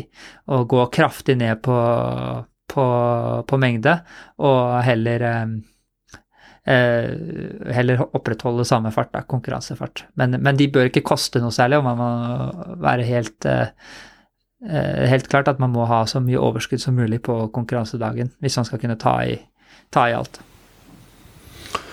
Ja, vi får se om vi lager oss en større episode om, om formtopping. Men folk som har hørt kanskje på denne Hans og Holund-podkasten, de hadde jo en egen om, om formtopping, der han, Hans Christer Holund fortalte litt om hva som hadde funka for ham på ski. og jeg vil kanskje hevde Sindre, at, at formtopping det, det, er forskjellig fra person til person, og man må prøve å finne liksom litt sin greie. Og så er det mye psykologi i det der. altså jeg har jo sagt det mange ganger før, men i gamle dager, før jeg, jeg kjente jeg skulle si både deg og Sondre og Jan og mange andre flinke folk, så hadde jeg jo ståltrua på mitt eget opplegg. Og det er ikke sikkert opplegget var så bra, men jeg hadde jo sinnssykt trua på opplegget. Og det funka jo ganske ofte også, så det er noe med å tro på det man gjør òg.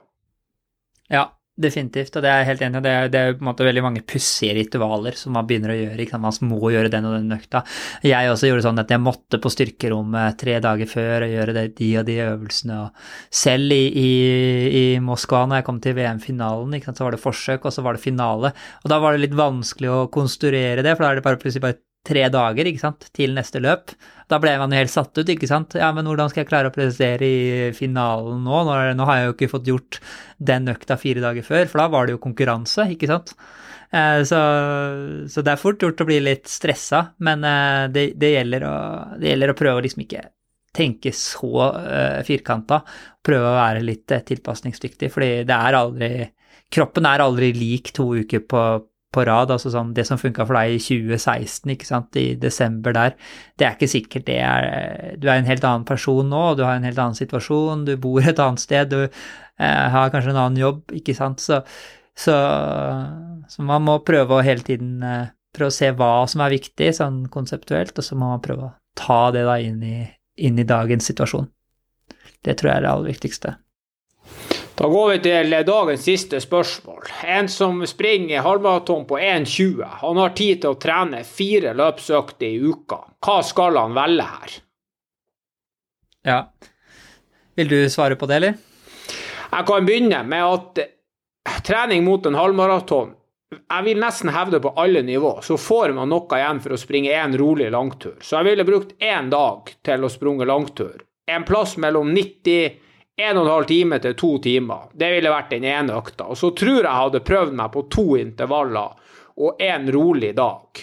Så la oss nå si at vi springer langturen på søndag, så har jeg kjørt hviledag på mandag. En intervall à la tre minutter eller fire minutter på tirsdag. Hviledag på onsdag.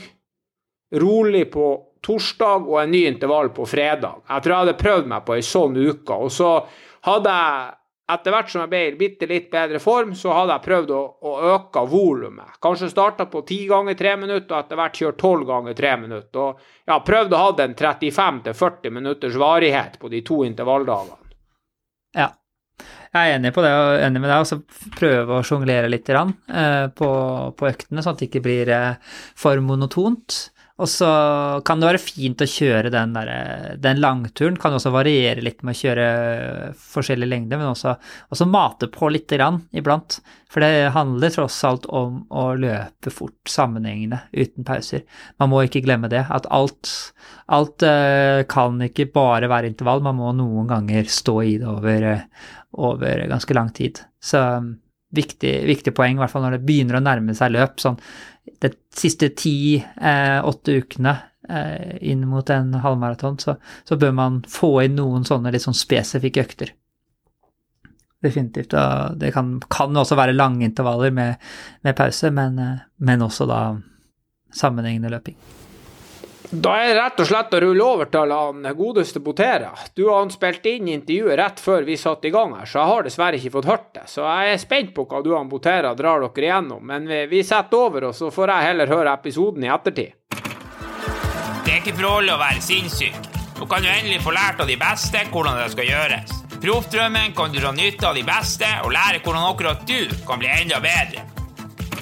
Velkommen til eh, nok en runde med proffdrømmen, eh, Jakob. Nå er vi spent. Er eh, formen fortsatt stigende? Det drar seg jo til, sesongen er i gang. I Australia har de begynt å løpe konkurranser og sånn, så det tikker mot sesong.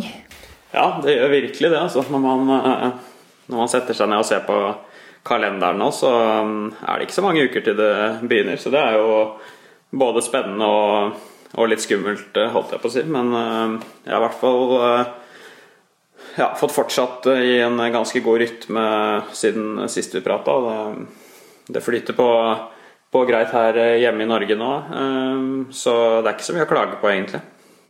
Du kommer deg unna is og slaps og dårlige forhold. Du, du sverger til mølla og innendørs på Bislett når du skal gjøre kvalitetsøkter. Eller har du våga deg ut på Frognerkilen? Jeg har vært på Frognerkilen et par ganger, men kun for rolige turer.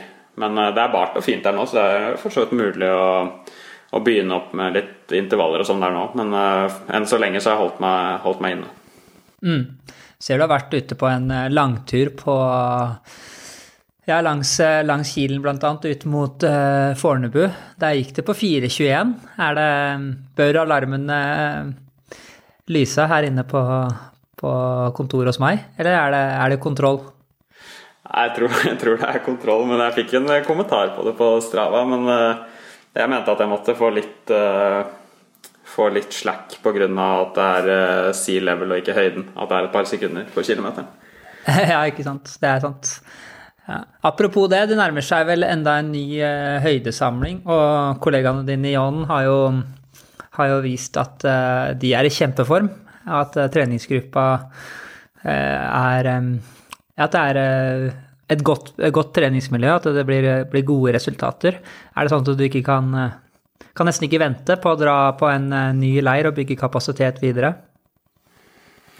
Jeg gleder meg absolutt til å komme meg ned igjen av, av flere grunner. Både, både, selskapet, men også forholdene. Selv om det begynner å smelte litt her nå denne uka, her, så er det jo noe annet å dra ned til afrikansk sommer, så um, gleder meg til det. Og mars blir en viktig, viktig måned. Jeg reiser helt i begynnelsen av mars, og så blir jeg fire uker. Og når jeg kommer hjem derfra, så er det jo forhåpentligvis um, å begynne å Ja, en liten sånn overgangsperiode til uh, til baneløpinga begynner i slutten av april, starten av mai. Så det er liksom Det er ikke så mange flere uker med den helt tradisjonelle grunntreninga, så det gjelder å gjelder å få fem-seks gode eh, uker eh, fra nå, da, egentlig. Mm. For hvordan, eh, hvordan, ser treninga ut nå i praksis? Det er sikkert mange av de som lytter her, som, som følger deg på Strava, men da ser man gjerne enkeltøkter. Det er kanskje ikke så lett å få en sånn totalvurdering og oversikt. Men hva er det som er, det som er fokusområdet? Er det god, god kondisjonsbygging og kapasitet og, og terskelfart, eller har det større innslag av av intensive økter eller trening med, med konkurransefart nå? Ja, det er mye av det, det, vanlige fortsatt, men jeg har Jeg prøver å være på, på banen og løpe litt fortere én økt i uka nå. Nå når jeg er hjemme før jeg drar, i hvert fall. Så jeg får en to-tre økter på banen, og så ja, kommer jo reisen og litt sånn tilpasning til høyden igjen. Og banen er ikke så lett tilgjengelig der nede i, i Sør-Afrika, så jeg har passa på å fått inn et par par baneøkter nå mens jeg er hjemme. Og så blir det nok ganske tradisjonell eh, kapasitetstrening eh, der nede. Og så blir april som sagt en liten sånn her eh, overgangsperiode før det braker løs. Men ukene har vært, vært fine. Ingen, ingen, ingen mengderekorder, men heller ingen avbrekk og ja. mange sånne godkjente økter, på en måte. Ingenting som uh, folk uh, ramler av stolen av. Men uh, føler litt det er de der OK pluss-øktene. Hvis man har veldig mange av de på rad, så, så bygger man jo et godt grunnlag. Ja, det er mange fine søyler, og du fortsetter litt den trenden med å være kan du si, litt i, forhold til mengden da, på, på ukene, så ser det ut som du har Eh, ja, had, vi snakka jo tidligere om at du hadde en sånn tre, tre ukers eh, syklus, nesten. Det ser litt ut som du måte, trener deg litt ned, slipper, slipper litt opp, for så å, å trykke på igjen. Og at det, det matcher ganske bra med, med høydeoppholdene dine også. Så totalt sett her, fra oktober og fram til nå, så har du jo fått eh, mange gode uker med trening. Altså så klart et par, par uker med konkurranse og en, en, uke med sykdom. Utenom det så ser det ikke ut som du har hatt noen store, store mm, kan du si, eh, stopp i treningen. Eh, og heller ingen, heller ingen skader eller, eller, overtrening. Og da, da skal man jo gjerne få fremgang, da, hvis man står på. Er du ikke enig? Ja, jo, i teorien så skal man jo det. Det er jo i veldig, veldig stor kontrast til, til i fjor, da, hvor, hvor, høsten og vinteren så, i hvert fall vinteren, så helt annerledes ut. Så um, ja, fra 1.10 så har det vært, vært god kontinuitet, og det er jo førstepri. Og så er det jo det å, å, gjøre om på en måte den grunnformen som jeg holder på å bygge nå, til, til en god konkurranseform eh, når, eh, når, mai kommer. Da. Så, som du sier, så skal det jo uh, være mulig å løpe fort når man har trent godt uh, mange uker på rad. Um, så jeg håper og, og, tror at det blir, blir tilfellet i år. Um, så ja, som sagt litt, uh, litt viktig å, å holde hendene på rattet nå på en måte siste delen av grunntreningsperioden og unngå noe noe avbrekk og sånn nå, da. Men um, jeg, ser, jeg, ser, lyst på, på ja, de ukene som kommer og, og, den jobben som skal gjøres. Og så blir det veldig spennende å, å se hva det holder til når, når startnummeret og piggskoa skal på igjen. Ja. I forhold til 5000 eh, og 10 000 og halvmaraton og maraton, da, kanskje de øvelsene som jeg kjenner best til, så, så opererer man jo med liksom arbeidskravsanalyse og arbeidskrav.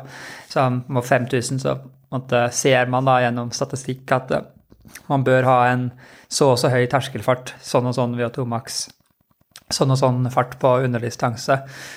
Er det noe som du har satt deg inn i i forhold til, eh, til 3000 meter hinder, og er det noen noen bokser der du kan eh, krysse av. F.eks. terskelfarten din. Den, begynner den å bli, bli, høy nok til at du skal i ha kapasitet nok til å løpe 3000 meter på den, den, tiden, og at du heller kan begynne å fokusere på andre ting? Uh, ja, det er et godt spørsmål. Jeg tror uh, på hinder så, så handler det jo veldig mye om å være god til å løpe. Det er liksom førstepris, og jeg må uh, F.eks. i 2022, da, hvor jeg løp 8,21, så løp jeg også 7,51 på 3000 flatt. Så det er jo 30 sekunder forskjell. Um, og det er jo litt sånn pluss-minus det man, man, regner hvis man har en uh, brukbar uh, hinderteknikk. Um, så hvis man uh, bruker den formelen, så er det jo å løpe 7,45 på en flat 3000 for å kunne løpe 8.15 og Hvis jeg løper 7,45, da bør man jo være i ja, 13-20 der omkring eh, på en 5000. Eh, og så er jo spørsmålet hvor, hvor god må, må den aerobe kapasiteten og terskelfarta være for å klare det. Jeg har jo liksom en del sammenligningsgrunnlag fra 2022 og 821, så jeg vet jo sånn cirka hva jeg lå på da. Og så er det jo ikke ren matematikk noe av det her, men uh, man har jo, som du sier, litt arbeidskrav å forholde seg til. Uh, jeg tror ikke terskelfart er helt god nok ennå, men jeg tror det begynner å nærme seg, og at uh, det vil være mulig å på en måte kunne krysse av den, den boksen. Og så er det jo det med konkurransefart og teknikk og taktikk og løpsopplegg og formtopping og riktig felt og forhold og alle disse variablene i tillegg. Da. Men uh, det hjelper ikke med alle de tingene jeg nevnte der hvis kapasiteten ikke er god nok. Så ikke sant. Så det ene følger det andre. Så ja, eh, kapasiteten det er jo noe du alltid kan gjøre noe med. Så den kan du trene, og konkurransespesifikk trening, det, det vet vi også at jeg skal ikke si at det er, det er fort gjort, men det er jo i hvert fall lettere når, når kapasiteten er der. Og så er det jo eh, det tekniske. Eh, det er jeg litt nysgjerrig på, for jeg har prata med en del hinderløpere og sånn. Og eh, jeg syns det på en måte er påfallende Jeg har løpt et par hinderløp sjøl òg. Jeg syns det er påfallende at de som er gode på hinder, de fokuserer heller ikke noe særlig på, på passeringene. Er det der litt genetisk? Det høres også ut som du tar litt, tar litt, lett på det. At det er det sånn at du du kan løpe et par økter med, med, med hekker på, på drag, og så, og så sitter teknikken. Mens, eh, men sånne som meg, da, som kanskje er litt mer ukoordinerte, eh, ikke like ja, dynamiske, smoothie bevegelsene, vi, vi, vil alltid slite mer uansett. Um, jeg tror det er eh, Jeg tror ikke man skal undervurdere det. og Jeg har jo siden, siden 2020, da hvor jeg bestemte meg for å, å gjøre en mer satsing på 3000 hinder, så har jeg jo gjort mye hekkedrill og, og sånn fra 2020 til 2022 så var det veldig fast innslag eh, to ganger i uka. Um, I fjor ble det ikke like mye av litt ulike årsaker. Og i år så har jeg gjort eh, en del de ukene jeg har vært hjemme, og så har det ikke vært like lett eh, når jeg har vært på leir. Men eh, nå skal det være tilgang på hekker også i eh, Um, og nå, nå sniker jeg meg inn på Bislett eller gjør det hvis jeg er ute i Neshallen hvor hekkene står line up og sånn. Eh, så jeg, ikke, jeg, merker at det skal ikke så mye til for å få inn litt den der eh, rytmen og sånn på hekkedrill nå når man har gjort det eh, over en periode. Men jeg vet også at jeg trenger en del sånne økter hvor jeg kjører litt stigningsløp over hekker og også har noen passeringer i, i konkurransefart og ikke minst ta et par økter, sånn at man får passeringer når man også er sliten. For det er, det er veldig lett å, å, hoppe greit over de hekkene hvis man bare setter de opp uh, på oppløpssida og kjører noen stigningsløp. Men når laktaten er 15 og du har fire-fem mann rundt deg uh, og skal holde 66-67 runder, da, da, er det noe annet. Um, og det merker jeg veldig godt at det er flere løp jeg har løpt hvor eh, du blir sliten, og så faller man litt sammen teknisk. Og da taper man ekstremt mye. Da, så, ja, det er jo 35 passeringer, inkludert vanngrav. Så hvis man, hvis man kan spare noen hundredeler uh, på hver passering, da, så kan man jo begynne å gjøre den matten, og så se hva man Passerer du med begge beina, eller du, har du liksom en, en soleklar favoritt? Så når jeg snakker om passering med først begge beina, så er det liksom hva du Du strekker ut det ene beinet, og så drar du, ut, eh, drar du over det andre. Er det ikke sånn man, eh, sånn man gjør det? Eh. Ja, det kalles jo liksom lead leg og trail leg på, på, engelsk. Jeg vet ikke helt hva man sier på, på norsk, men uh, jeg har et foretrukket ben, men jeg har heldigvis lært meg å, kunne gå over med, med, begge, med unntak av vanngrava. Der er jeg veldig, veldig avhengig av å sparke fra med, med samme ben. Men Um, det, er, det er, et viktig poeng det at du, man har uh, mulighet til å lede med begge beina, fordi da er man ikke så avhengig av å komme helt riktig inn på hvert hinder. Hvis du, hvis du må time det hver gang, så, så vil det også måtte regulere stegfrekvens, rytme og, og, de tingene der veldig ofte. Og det kan jo være ganske slitsomt eh, når man ligger i klynga der og prøver å løpe avslappa.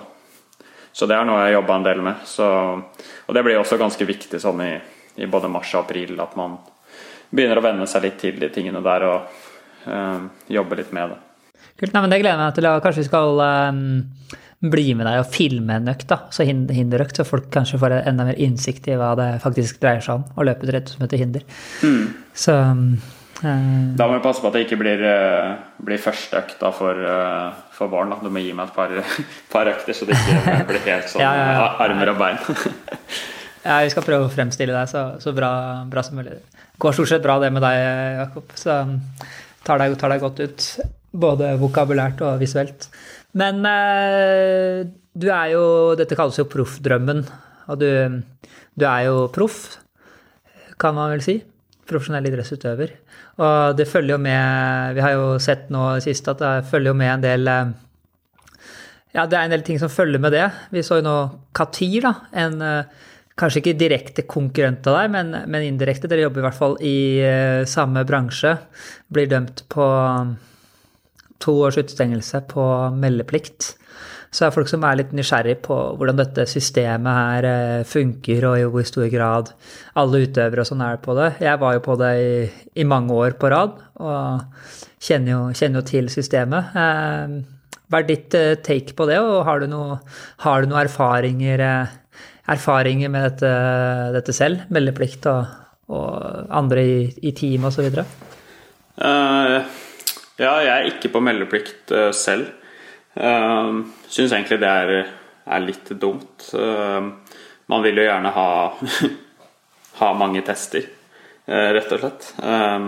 Så, men jeg blir jo testa out of competition, da, heldigvis, selv om jeg ikke er på meldeplikt. Men da er jo det mer sånn tilfeldig at, at det dukker opp fra antidoping på døra hjemme, rett og slett.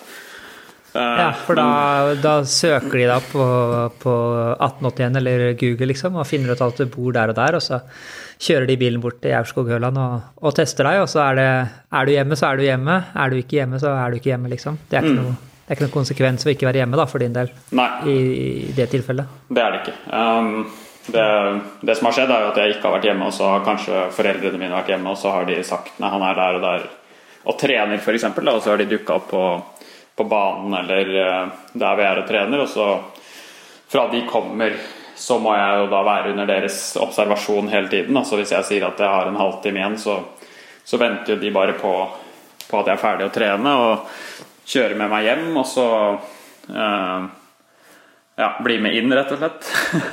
Eh, og da er det jo bare sånn at de må vente et par timer. Da må de gjerne gå fra man har slutta treningsøkta til man kan ta blod, i hvert fall. Urin tror jeg man kan ta så fort man uh, blir pissetrengt. Men, uh, så det har jo skjedd noen ganger. Men uh, meldeplikt er jo noe annet. Dere har jo snakka litt om det i, i poden allerede. Og um, ja, i Katir sitt tilfelle så var jo ikke den forklaringa som, som, han kom med, akkurat veldig overbevisende. Og det er jo sånn at du ikke kan misse tre tester på tolv måneder. Og hvis man er uheldig og og misser én, da, så så burde man uh, sørge for at det ikke skjer én uh, og to ganger til. Uh, og jeg syns ikke det var så veldig tillitsvekkende det han hadde å si til sitt forsvar. Um, så det burde være mulig å, å holde styr på, på, hvor man befinner seg, og oppdatere appen og være tilgjengelig. Og det,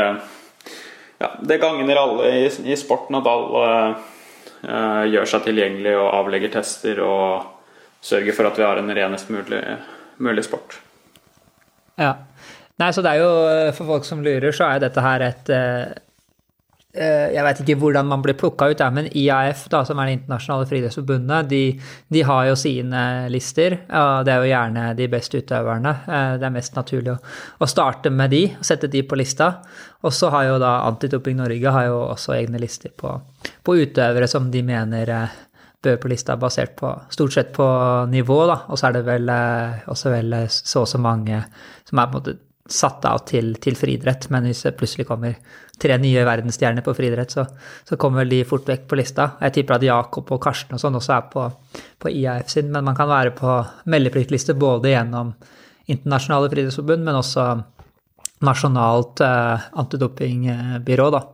Eh, så, så det kan jo det kan jo fort vekk være at etter denne episoden at du kommer på meldeplikt, eh, Jakob. Og du sa jo at du, du, du ønska det. Eh, er det ja, sånn at, eh, Jeg kan jo snakke for min egen del. Jeg syns at det var, var helt, helt, greit. For da, det er veldig sånn, Hvis folk mistenker deg for noe, da, så kan du jo bare si at jeg er på meldeplikt. Det er liksom, det, jeg, da gjør man jo det man kan, kan du si. og da har man jo mye større sannsynlighet eh, for, å, for, å, bli tatt for noe hvis man, hvis man jukser. Og, så har man jo det at man, man kan ikke unngå systemet heller, da. Da blir det prikker, og man, man, faller bort. Så det er jo en litt sånn betryggende del, da.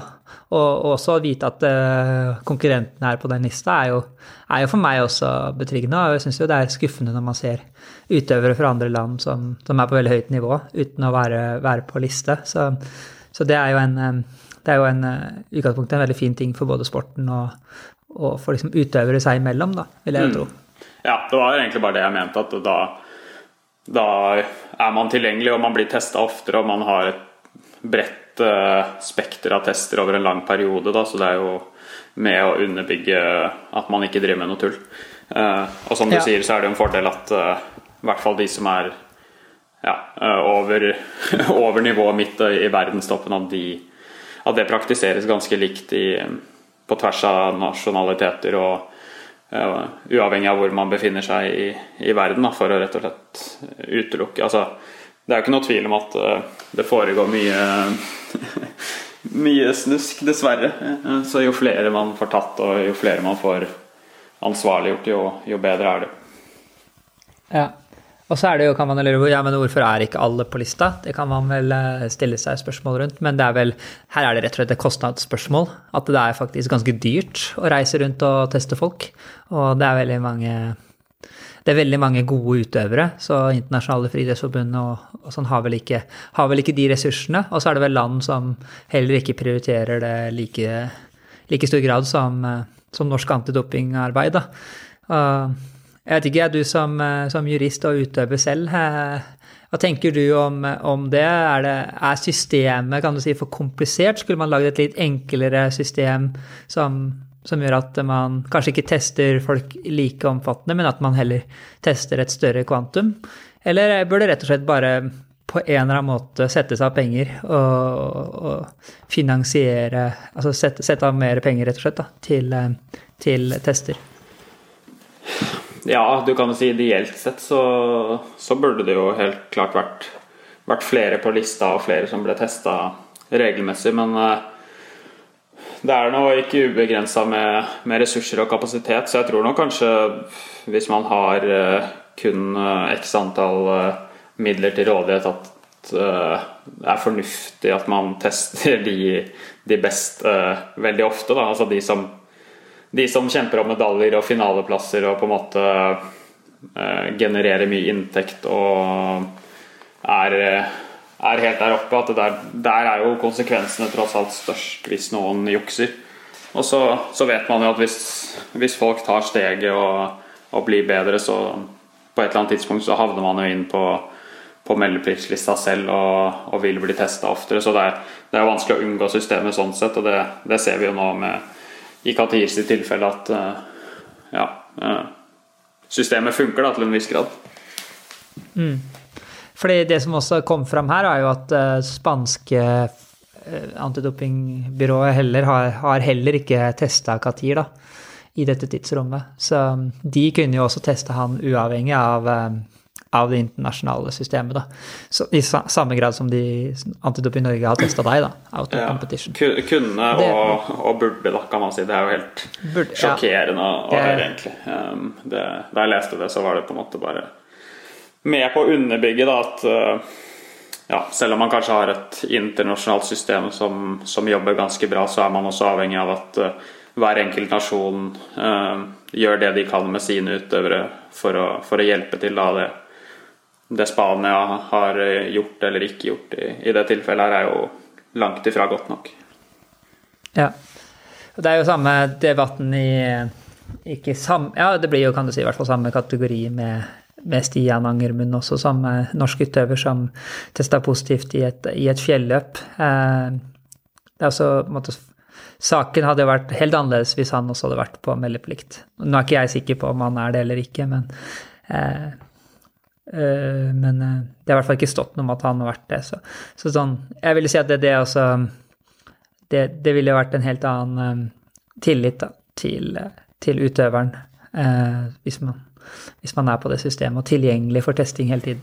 Ja, ja nei, Jeg vet heller ikke situasjonen hans, om han har vært det eller ikke. Men sånn generelt, altså På hans nivå, da, når du er verdensmester flere ganger, så, så bør man jo være på, på meldeplikt. Det ville han i hvert fall vært i friidrett eller langrenn eller, eller andre uh, sporter. Og det er ikke sånn at fjelløping er, er så lite heller. Det er jo, det er jo en del ressurser og, og midler og og sånn i, i gamet der, i hvert fall internasjonalt, så um, ja, som sagt, vi vet jo ikke, men uh, må nesten håpe at han, han, er det. Eller vil jo si at han burde vært det da, på hans nivå, for nettopp å ja, uh, bygge opp under tilliten til, til utøvere. Det er veldig viktig.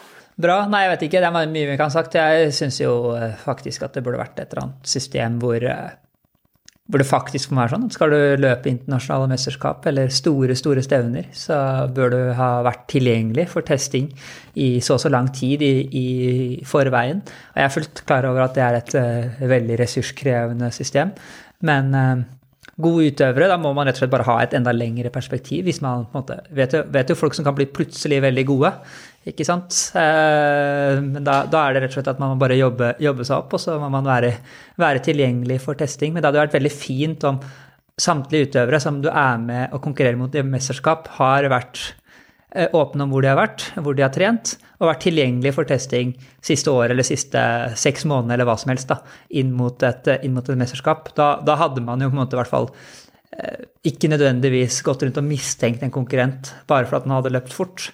Men eh, nå blir det jo litt sånn, dessverre, at man, eh, man blir litt mer mistenksom overfor eh, utøvere fra enkelte land. Og det, det, er veldig trist, da, for det er jo ikke sånn man vil at idrett skal være. Man ønsker jo at det skal være konkurrere på like vilkår, og at uh, den som kommer i mål uh, først, det er tross alt den som er sånn som er best. Det er jo det som er sjarmen med, med friidrett som konsept. Da. Så det er veldig synd når det kommer um, saker som gjør at man tenker andre, i andre retninger. Da.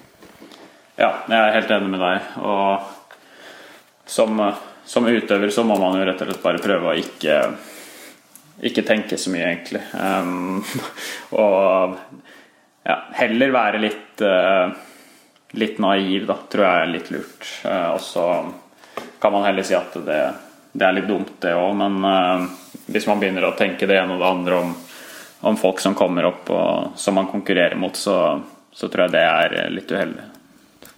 Ja, og det er jo Det mener jeg også, at det er jo ikke utøvernes jobb, det her. Dere skal jo konsentrere dere om å trene og løpe fortest mulig og, og, stille opp. Og så er det jo arrangører og apparatene rundt som skal tilrettelegge for, for, mest mulig fair play. Da. Så jeg er helt enig i at det er, ikke en, det er ikke en kamp utøverne skal ta, men det er jo de som er skadelidende og kanskje blir mest provosert av manglende, manglende, rutiner og urettferdige omstendigheter. Da. Men, ehm, men bra. Nei, du får nå bare fokusere på ditt. Løpe fortest mulig. For det, det, skal jo være sagt at det er jo mulig å løpe like fort som Katir også eh, på, på, rene vilkår. Så må vi også ta forbehold. Han er ikke tatt for noe substans, altså han har brudd på meldeplikten. Men det er ikke nødvendigvis eh, ensbetydende med at han, er, eh, at han har eh, juksa, selv om han veldig fort tenker de vaner, da. Mm, mm. Det, vi snakket, eller Du var inne på at det burde vært et system som sørge for at alle som, som deltar, har blitt testa så og så mye. Eh, det er lite skudd fra hofta, men jeg lurer på om det er noe sånt som gjelder før OL. Um, jeg, tror det var også litt derfor jeg ble en del testa på, på, våren hjemme i 2021, hvor jeg fortsatt hadde en sjanse til å komme til OL. At du må ha avlagt tre tester i løpet av en så og så lang periode eller noe sånt. Um, men um, det ja, Det får lytteren eventuelt faktasjekke. Men jeg tror det noe tror det har vært noe eksempler på at noen utøvere ikke rett og slett har fått delta fordi de ikke har hatt eh, tester. Nettopp. Ikke sant. Og det er jo veldig trist for de da, hvis landene de skal representere, ikke har eh, rutiner eller eh, kapasitet til å teste, og så blir du, får du ikke lov til å være med. Så det her er jo, det her er jo noe som må måtte settes i system, da, kanskje helt fra toppen. Som gjør at uh, Vi vet jo at det er penger i idretten. liksom, Olympiske komité og, og World Athletics. De har jo midler. Det er bare at de må, det må kanaliseres i riktig retning. Det kan såpass måte uh, konspiratoriske kan vi jo være. Det foregår jo en del korrupsjon, og midlene går kanskje ikke alltid til riktig sted i idretten. Ja, men bra. Da har vi snakka om en del positive ting eh, og litt ja, negative ting. Eh, du skal på treningsleir tilbake med George Mills, da, som kanskje er eh, frontfiguren i gruppa deres. Eh, løper jo enormt fort innendørs. Imponerte der. Er det sånn at du, du, gleder deg, eller gruer du deg litt til at du må liksom uh, følge en utøver og bli litt frista til å henge seg på? Uh, liksom, hvordan, hvordan liksom angriper du den, de utfordringene der inn mot treningsleiren? Nei, jeg ser egentlig ikke på det som noe veldig uh, problematisk, egentlig. Altså, vi, vi har et ganske godt system på hvordan, hvordan det trenes, og, og jeg vet, vet, hva jeg må gjøre, og han, han vet hva han må gjøre, holdt jeg på å si. Så det er mer bare kult og, og motiverende å, gjøre en god del trening sammen, men, men ikke alt. Og så ja, være på samme sted og omgås og lære av hverandre. Um, så det tror jeg blir bra. Han er der nede allerede og ja, prata med ham senest i går. Um, det står bra til, og han er i, i bra trening igjen etter, etter to løp borte i USA. Og ja, er jo en som, som virkelig praktiserer det der med litt sånn short memory i sporten. At han, han ligger ikke og later seg fordi han har løpt under 13. Det er liksom rett tilbake på, på den jobben som må gjøres. Så på mølla fram med laktatmåleren, og så rett på benken etterpå, og så i seng. Ja. Og så gjentar man, det, gjentar man det til man er fornøyd ja. og klar. Yes. Det er sånn det foregår. Ja. Stemmer. Ja, men bra, det. Jeg lurer på om vi runder av der, og så neste gang vi snakkes, så er jo du på treningsleir i, i Dalsrum. Så da skal vi gå inn på Strava og se om vi ser noen høye søyler. Ja. Det, er, det er i hvert fall betryggende. Jeg vet at du trener på at det er skadefri og, og frisk. Så um, satser vi på at terskelfarten Du snakka om at den måtte kanskje økes litt. Hvor mye snakker vi? To-tre sekunder, eller? På, på tre millimol? Ja, kanskje noe sånt. Litt, litt vanskelig å si. Nå har jeg løpt veldig mye på mølla uh, i det siste. Det er forstått veldig sammenlignbart, det. Men jeg har ikke så mange økter på de møllene fra, fra tidligere sesonger. Um, men skal vel inn på Bislett en gang eller to før jeg før jeg drar. Så da, da, får vi se litt, og så Men ja, noen, noen sekunder, og det Man kan, kan vel aldri ha, ha for god terskelfart. Selv, selv Almgren som uh, løper uh, 59-tallet, fortsetter å trene terskel. Så det, det er liksom ikke Ja, man kan vel aldri komme i mål der, egentlig. Nei, det der kan, den kan aldri bli, aldri bli bra nok. Mm. Det er vel det man, det man jobber for. Så jeg vet ikke hvor, hvor stor grad det er eh, direkte sammenheng mellom terskelfart og prestasjon på 3000 meter hinder, men eh, det er nærliggende å tro at det har ganske, ganske, mye å si, i hvert fall. Ja, selvfølgelig litt mindre enn på, på et halvmaraton og en, en 10 000 og litt andre faktorer i tillegg, men, men selvfølgelig veldig viktig, og særlig ja, den, sånn type løper jeg er også, så, så, vet jeg at jeg er avhengig av, av det, pluss litt til for å, for å løpe fort. Bra, vi følger med. Gleder meg til å høre fra deg igjen om et par uker, Jakob. Så god tur når den tid kommer. Så får du holde henda på rattet siste, siste uka hjemme. Sørg for at du har overskudd i forkant av campen, så du får, får mest mulig ut av den. Mm. Så etter det så, så, drar det seg jo veldig fort til, til sesong, og da har vi jo masse spennende å snakke om. Ja, det, ukene går fort. og ja, plutselig er det påske, og så kommer jeg hjem etter påsken, og da er det forhåpentligvis bart og fint og lyst. og plutselig sesong. Så det, det er bare å stå på. Vi høres. God tur. Lykke til med treninga.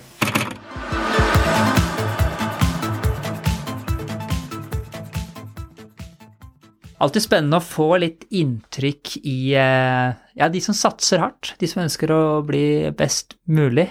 Rett og slett eh, jakten eh, på proffdrømmen. Så vi bare håper da at Jakob Potera blir så god at han også kommer på meldeplikt. Det får være hans eh, mål i eh, 2024. Da tror jeg eh, mye er, eh, mye er gjort. Men du, Kristian, det nærmer seg jo løp. Ønsker å jeg ønsker å ønske deg lykke til. Det her, eh, det her blir spennende. Har du, noe, har du noen målsetninger, eller er det noe vi skal følge med på spesielt, vi som er, eh, vi som er fans? Ja, først og fremst å gjennomføre et fornuftig løpsopplegg. Ikke åpne for hardt, så eh, prøv å legge meg rundt 3.15 til 3.10 på kilometeren. Helst 3.11-12 i starten. Målet er å springe under 32 blank. Så hvis jeg springer 31,59 og det var så god jeg var, så er det greit, det. Men jeg må prøve å få gjennomført et bra løp. Så aller helst 16 blank første fem kilometerne. Og så har jeg jo nok en gang pakka sekken, så det blir jo Hoka Cielo X1. Og, og Anton Sport har jo òg fått det. det. Det gikk jo rett og slett tomt, Sindre, for Hoka Cielo X1-sko. Jeg vet ikke om det er min og din honnør, eller om skoen i seg sjøl er så bra at word of mouth selger den av seg sjøl. Men nå har i hvert fall Anton Sport fått inn flere par sko også, så de som ikke har fått tak i den, har muligheten til å få kjøpt den, dem også. Ja, det, vi regner med at de 50% av feltet i, i Grue står med, står med de skoa. Da, da er det i hvert fall eh, konkurranse på like vilkår, kan man si.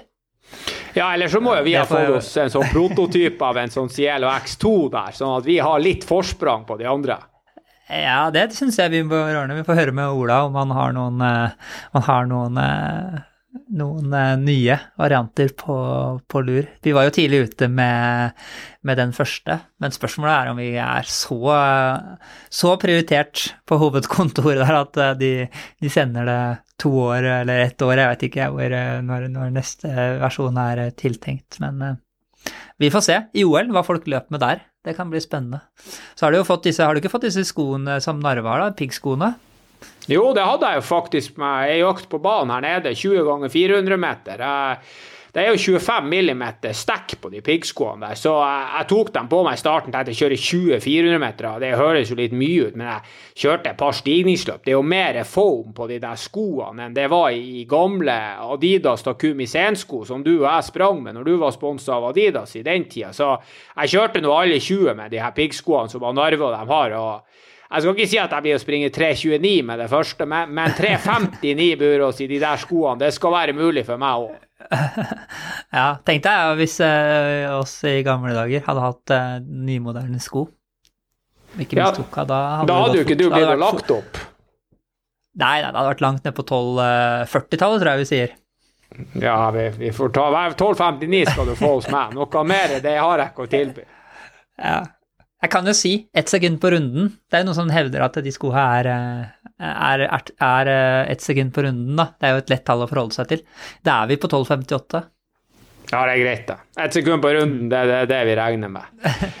Vi får avslutte dagens episode med en sånn eh, venneepisode med de guttene i Spring Snykt. De la ut episoden for ei lita uke siden, men vi måtte holde igjen her siden vi hadde et intervju som måtte inn. Så intervjuet denne uka er venneepisode, så får vi se hva vi klarer å rulle på med fremover, eh, Sindre. Vi har jo fått oss et, et ordentlig bra intervju her med Steinar Hoen nede på Bislett, så vi skal få laga noe sånn Bislett Games-variant her utover eh, utover våren og bygge opp litt. Høre med Steinar litt hvordan de plukker hit, og, og hvordan det jobbes for rett og slett sånn Diamond League-stevne, og litt med TV-produksjon og i det hele tatt. Så jeg håper vi klarer å, å tilby noe på, på de intervjuene fremover, også som ja, kan på en måte være litt sånn baksida for idrettsverden. Det er ikke alle ser, og høre litt med dem som er involvert i sporten. Ja, vi ønsker jo å gi litt innsikt, og det blir veldig spennende for vår del også. Det er jo litt sånn, vi lager jo vi lager innhold som vi syns er interessant, og da regner vi med og håper vi, og det virker jo sånn, at andre, andre også syns det er interessant. Så hvis folk har kommentarer eller eh, innspill og mener at vi bør eh, dra i en helt annen retning enn det vi gjør, kom gjerne med det, så skal vi ta det til etterretning. Men eh, det er mye morsomt å snakke om, og det kommer en Holmenkollen-stafett, og så plutselig så er det en EM- og OL-sesong i gang, og så er det noen terrengløp som jeg skal være med på, og så skal du slite rundt på noen gateløp og forhåpentligvis sette pers. Så, så det, er å, det er nok å styre på med. Vi gleder oss, og så får dere kose dere med mm, en, eh, en, samtale, kan vi vel si, da, med gutta i eh, Springsnykt, vår svenske vennskapspodkast.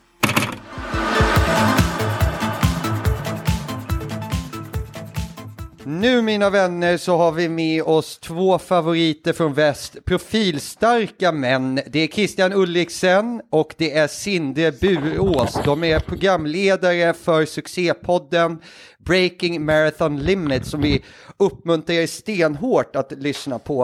Eh, de är norrmän, eh, vilket gör det väldigt trevligt för oss svenskar. Det är väldigt eh, lugnt och tryggt att lyssna på dem och de är väldigt duktiga och de vet väldigt mycket. Sindre är för övrigt min tränare sedan några år tillbaka så vi har en nära relation. Välkomna till, eh, ja det här är en vänpodd, men eh, välkomna hit killar. Kul att ha er med. Tack. Tack så du ha. Hur står det till? Vi ska börja där. Det, vi kommer mötas här nu nästa vecka alla tre. Ni är i uppladdning för, för Barcelona bägge två. Vad, vad är status på er? Jeg kan svare på vegne av Christian, og så kan han svare på vegne av meg. Men eh, Christian er jo i veldig god form. Vi hadde et pass eh, allerede, altså, bare for en time siden på Bislett stadion. Og jeg har sjelden sett Christian i så god form, så han har begynt å ja, fint. Han har begynt å måle laktat. Og han har begynt å ja, nåle laktat, ja. og så har han begynt å følge tallene som står der. Han måler ikke bare for å måle, nå, nå bruker han tallene til noe fornuftig. Så, så, han er i en uh, veldig god steam, og jeg tror, eh, jeg tror, han kommer til å løpe veldig fort i, uh, i, Barcelona. Så tror jeg det står ganske bra til med livet ellers også, men akkurat det har jeg ikke 100 kontroll på.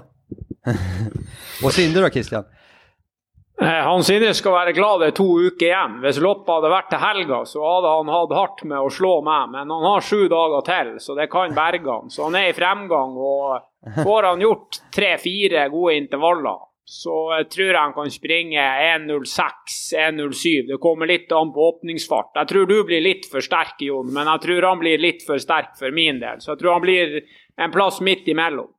Okay, ja, nu bara... Det låter ändå som goals att behöva en bra träningsvecka för att kunna springa på 66 minuter. Det, det, det är som, som här om året under pandemin när du åt lite bättre och fick till några ökter och sen så var du i 14 blankt form på 5000 utan att du visste hur det gick till. Ja. Det går lätt för dig Sindre, må... även om du nu har varit lite sjuk och sådär så går det lätt att komma tillbaka ja, målet är ju, till någon slags form. Målet är ju att aldrig vara med en, en månad undan av 14 blank.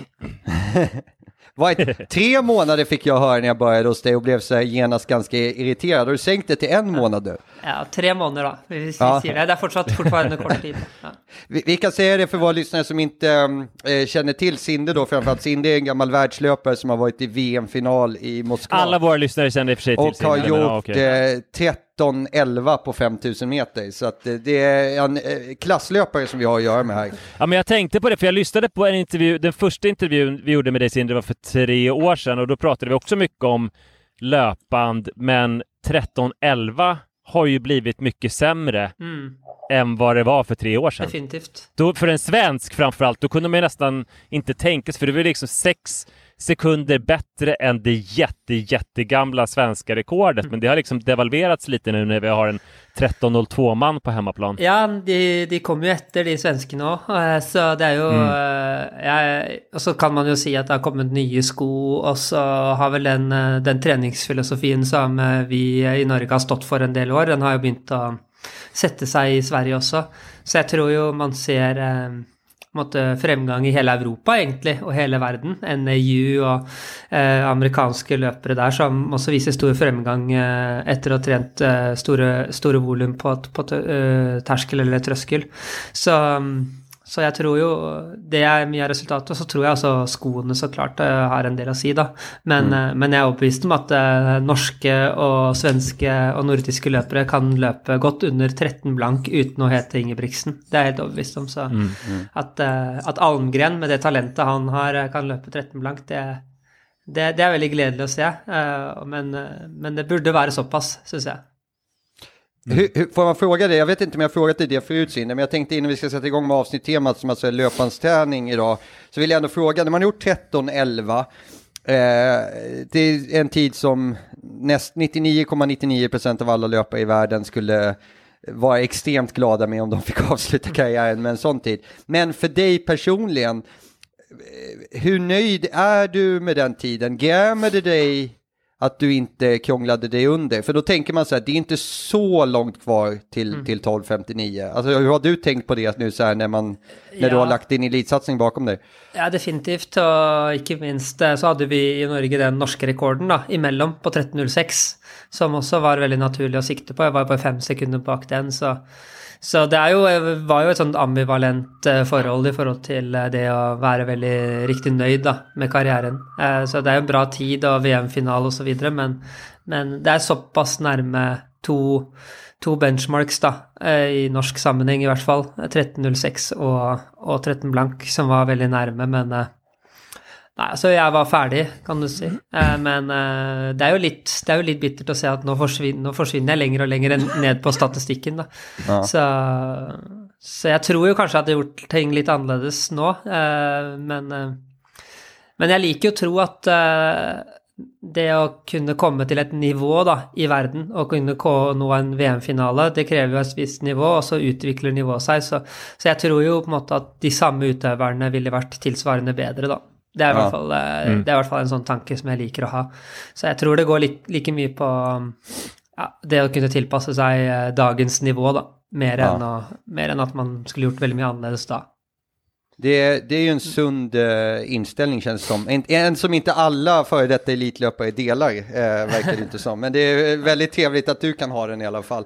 Och du då Christian? Och, och nu är det ju kamp, ja, förlåt John, nu är det kamp, det är roligt förutom att, vi, att ni ska träffas då i Barcelona nästa helg och Sindre, John och Christian tävlar mot varandra så ska vi ju allihop, alla fem också träffas i eh, Grue Ja. första maj. Så att det är mycket BML springsnyggt. Tyvärr kan ju inte jag tävla i någonting mot er, men, men John och Sindre är ju en härlig dödsmatch och eh, vad, vad har ni för ambitioner för Grue? Ja, Da skal vel Jon løpe 10 km, skal du ikke det, da? Ja, det är, ja. är väl planen va? Ja, jeg er anmeldt på halv, halvmaraton. Okej. Ja. Mm. Men jeg, får prøve, jeg kan jo prøve å ha tiden til eh, Jon halvveis, da. Ja, oi, oi, oi. oj. Ja, det var- Ursäkta, då, får vi hoppa, ja, då kommer det gå fort förhoppningsvis på halvmaran där. Eh, och du då Christian, vad är, vad är målet nu? Eh, vi, Sinde nämnde inte någon tidsambition. Du är, så jag såg dig första gången på Bislett när jag skulle springa 10 000 meter första gången jag var i Oslo. Tyckte det såg eh, ut som var en väldigt bra löpare som rörde sig där inne på 500 meters eh, slingan eller vad det nu är. Eh, vad har du för ambitioner nu framgent här? Du har ju ditt stora mål som är under 2,20 men halvmaran är ju en sån där mellandistans så är det pers som gäller och vad är i så fall perset? Ja, du så meg på en av de bedre øktene jeg har hatt i mitt liv der. Det var jo Ja. to uker før jeg sprang i Hamburg, og da Ja. var jeg jo i god form. Vi sprang jo 2.23 i Hamburg, og det var litt vær og vind i Hamburg og var alene siste halvdel. Så jeg, jeg var i god form, og jeg føler på en måte jeg har trent ganske bra. Jeg løp jo 1.10,27 i Drammen i starten av september. Jeg var jo i veldig dårlig form i sommer etter at jeg var syk i fem uker etter London. og Kroppen svarer ikke i det hele tatt på trening. Og så føler jeg egentlig jeg har trent ja, ganske bra egentlig siden 1. august. Så jeg har løpt tre ganger på 68-23, 68-27 og 68-31. Det der 68-31-løpet, da var jeg jo sprang sammen med Sara Lahti i Valencia. Det var når hun satt svensk rekord. Så sprang hun ifra meg siste to kilometerne. Så Just det. Jeg håper å være ned mot pers. 3.15 i snitt, da er vi på 68,30. Og så, skal jeg og Sindre ha en prat litt sånn eh, Ja, litt eh, for min egen del, men også for egentlig alle andre, litt om treningsplanlegging etter Barcelona. Det er ganske fristende å fortsette å gjøre sånn som jeg gjør nå. Springe en 10 km i Drammen i april, og så Grue halvmaraton. Og så gjøre kanskje et forsøk på en ordentlig banesesong for første gang i livet.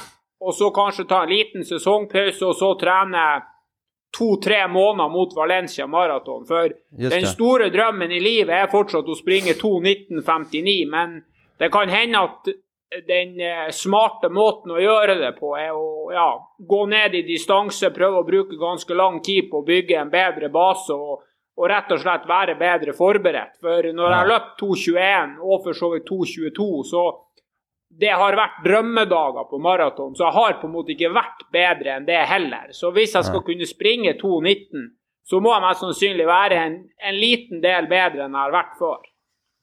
Men hur kommer det sig att maraton har blivit liksom kungadistansen för dig? Så mycket viktigere enn alle andre? Ja, det, er litt, det er jo litt tilfeldig, men når jeg begynte å springe, var jo på en måte Det å springe 29,59 på, på 10 000 meter, det er jo helt hinsides fort. Og gjør du 29,59, så springer du sikkert 2,15. Så, så de opplevelsene jeg fikk på maraton, ja en tre-fire år på rad der, der jeg traff bra på formen, traff bra på løpsoppleggene og fikk på en måte en sånn drømmedag i Berlin. Liksom litt den følelsen man har der de siste ti kilometerne når alt virkelig funker. Det er liksom det er litt det man søker tilbake til. Og så føler jeg jo kanskje også at maraton er den vanskeligste distansen for for de aller fleste. I Norge nå så er det jo Vi snakker jo om at vi har kanskje beste friidrettsgenerasjon noensinne, men vi har jo kun han Sondre og han Serei som springer fort. Tredje beste mann i Norge er liksom Andreas Sjurseth på 2,15, og så kommer det en haug med folk som er like gode som meg, liksom. Så ni får emigrere til Sverige. Ja, det kan man jo si. Dere har, har jo mange andre bredd. folk, sånn som Jesper Lundberg og for så vidt Archie Castile og mange andre jeg skulle si 14 blankløpere som har gått opp i distans. Det skjer ikke i Norge. Jeg tror kanskje det blir Nei. å skje litt det neste, det neste året, halvannet. For det er ganske mange nordmenn nå som skal prøve seg på halvmaraton, som kan springe 62, 63, 64. Og det er jo ofte en god start. Mm. Jag tänkte på en sak du sa där som är lite rolig, för att eh, jag har ju pratat med, med Sinde lite i bakgrunden här.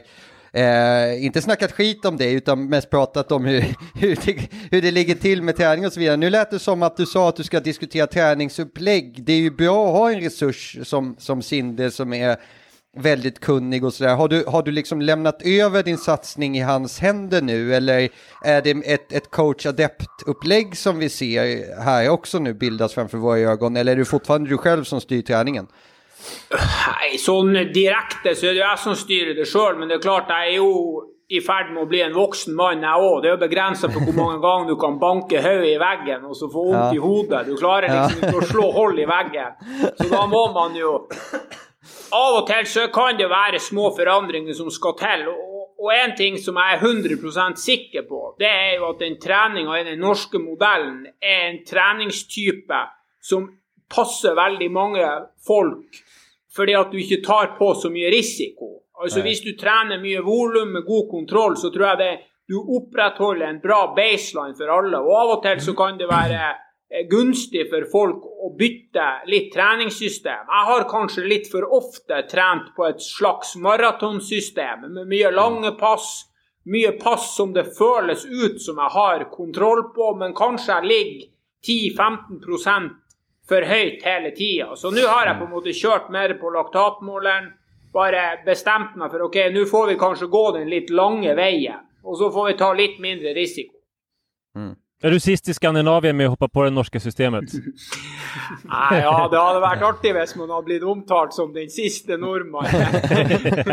Men jeg vil jo ikke hevde det. da. Jeg har kjørt dobbelt før. Jeg har jo mettet laktat. Jeg kjøpte meg jo laktatmåler i 2015. Men det er noe med at hvis du går for den norske modellen, og du prøver å ha rundt 2-2,5 millimål på mye økter, så måler du òg. Da får du svaret svart på hvitt. Sånn som i dag springer vi liksom 12 000 meter på 3.25.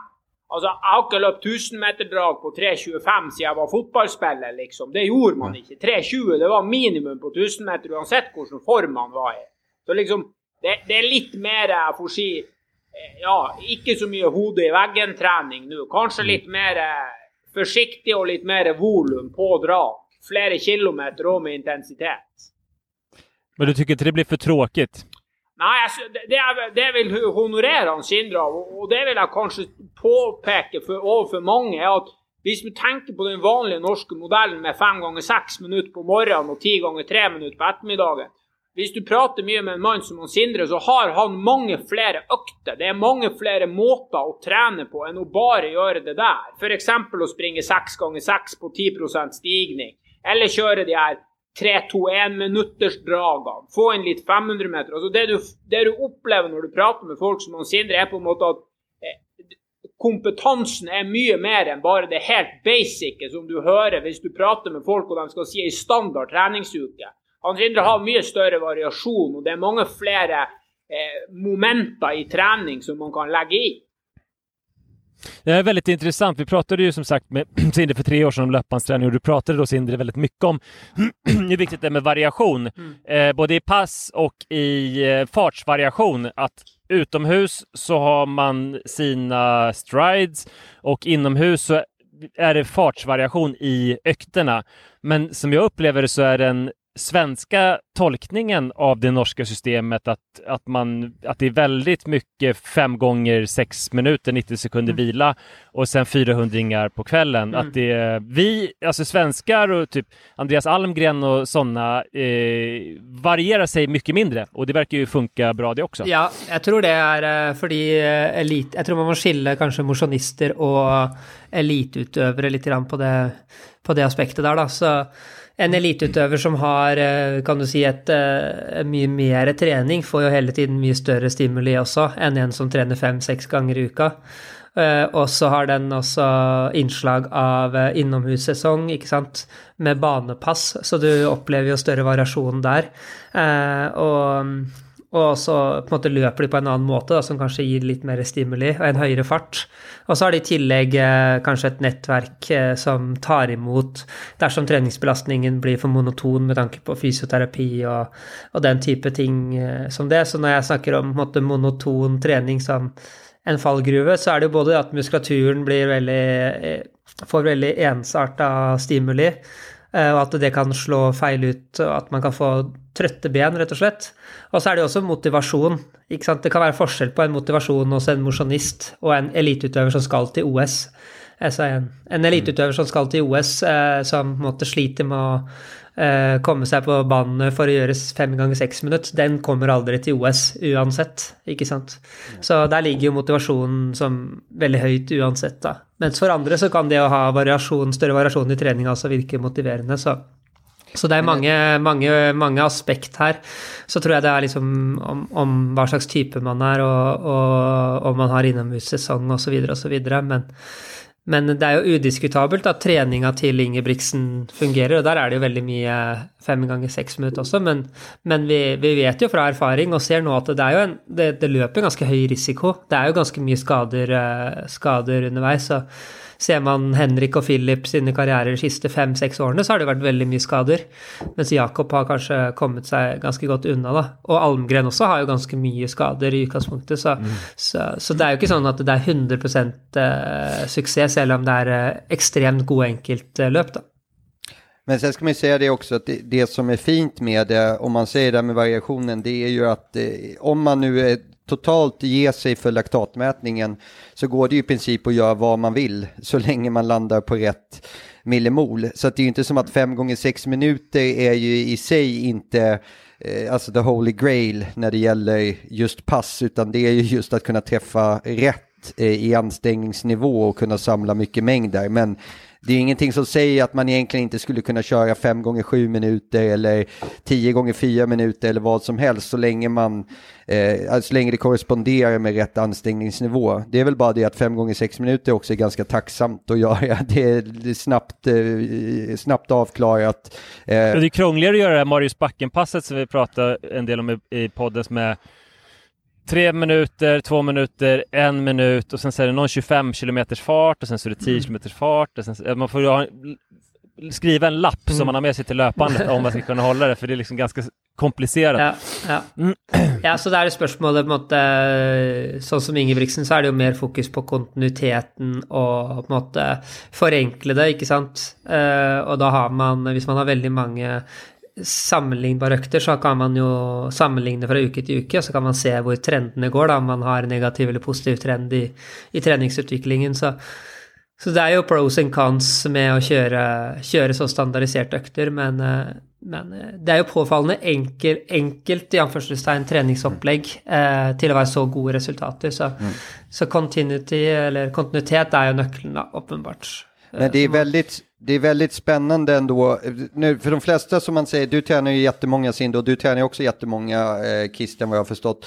Eh, men eh, om man inte brukar laktatmätare så går det ju fortfarande att applicera metoden även då på motionister eller motionärer. Eh, som sagt, jag tänker personligen då som när du tog över Sinde, man började köra tusingar, man körde 12 gånger tusen i 3 och 10, vilket då samma sak för mig där. Det var aldrig att jag hade kört 12 gånger 1000 i 3 och 10 tidigare, utan alla de har ju gått runt 3 blankt, eller kanske lite snabbare till och med om man har pushat det lite på slutet. Men det har ju översatts till betydligt snabbare tider sen när man ska spesa till det. Men det är ju ganska lätt då att, att sätta även för en motionär som inte brukar laktatmätare, som inte nålar som vi gillar att säga, utan det går ju faktiskt att, att föra över den här principen, även fast man inte är helt säker på vad ens eh, eh millimolvärden blir på en given fart. Om man bara utgår från 10, 10 km fart så att säga. Ja, man kan bruke både, både puls og ikke minst referanser mm. på, på, fart da, om man har en maraton, halvmaraton og 10 km. Så. Mm. så det er jo å skaffe den variasjonen, da. Den norske modellen er jo veldig mye trening rundt eh, halvmaraton, maratonfart for mm. utøvere på et bra nivå. Mm. tenker at nå nu, nu börjar vi glide inn på eh, temat som är löpan, men om vi kommer in på det ordentligt så ska vi säga, Sindre, du kommer ju från en träningsgrupp eh, som ligger bakom det här norska systemet kan man säga och där hade eh, löpande en central roll. Mm. Berätta om det. Nei, altså vi brukte jo uh, tredemølle, da, uh, løpene som, en, uh, som et, jeg vil si verktøy først og fremst. Eh, en, en, vinter i Oslo er jo, er jo, kan jo være veldig røff, og sånn som det er nå i år, så er det egentlig helt håpløst å løpe ute. Begynner så vidt å bli bart nede ved, ved stranden nå, men hvis man ikke hadde hatt løpene eller Bislett stadion, så hadde man i prinsippet ikke kunnet løpt. I hvert fall ikke i kvalitetspass. Så, så det er jo en eh, en helt nødvendighet i forhold til å kunne gjennomføre treningsøkter. Og, og hvis man skal kjøre kontrollert eh, terskel og kunne måle fremgang også, så er jo, så er jo det å kunne ha helt like eh, kan du si parametere fra gang til gang eh, helt nødvendig. Og da er jo tredemølle, og gode tredemøller, da, helt sentralt. Så, så tredemølle brukes eh, nummer én som en sånn sted hvor det er trygt og godt å trene, og et sted man kan gjennomføre, eh, gjennomføre altså kvalitetspass, eh, trøskelpass, og også et sted hvor man kan måle og ha god kontroll, da. En sånn vitenskapelig approach på treningen sin. Så jeg vil si at det er to veldig store fordeler for en utøver som bor i, som bor i Oslo.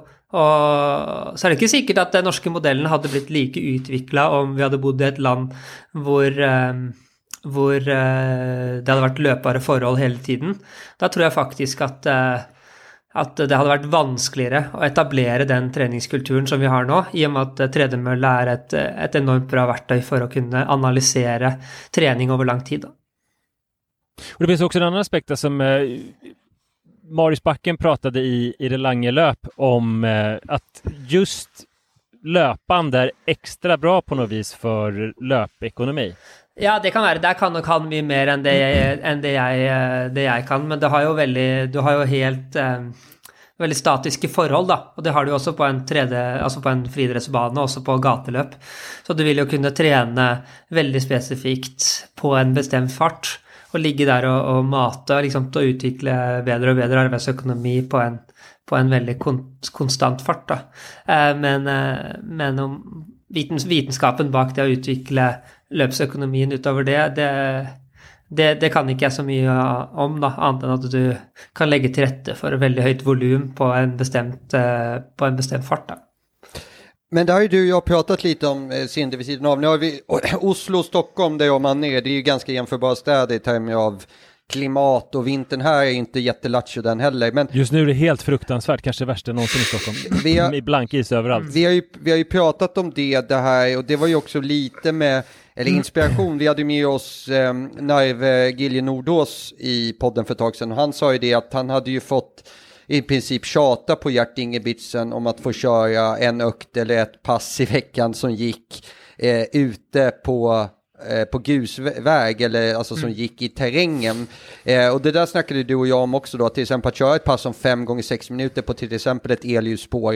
Eh, där det är lite utmanande terräng bitvis, det kan vara upp och det kan vara ner, vilket gör att det blir ju diametrala motsatsen mot, mot att springa på ett löpband. Det blir ju olika stimulin hela tiden och då gäller det ju att anpassa farten och vara väldigt disciplinerad då i till exempel backar och i utförslöpet för att inte dra upp laktatet. Men det menar du ju på att det skulle ju kunna vara väldigt bra av, av andra skäl det också när vi siade lite om det. Och det är ju någonting jag ser fram emot att få göra här nu när snön smälter. Eh, hur, hur tänker du på det då eh, i förhållande till det vi just pratade om det här med eh, det precisa som, som löpandet och banan erbjuder att, att faktiskt ändå behålla lite sådana pass ute i terrängen till exempel?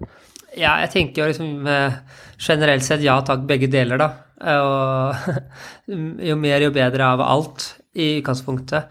Det som jeg tror eh, Som jeg har erfart selv, er jo at når, når eh, man utvikler en høy kapasitet og, og, og farten blir for, eh, for høy, er jo at uh, treningsbelastningen uh, også blir for høy, da. Uh, at for Narve å kjøre, kjøre alt på tredemølle og så vil, så vil det være rett og slett for høy treningsbelastning, og at han har godt av en, en annen type stimuli, da, med mykere terreng og kanskje litt lavere fart.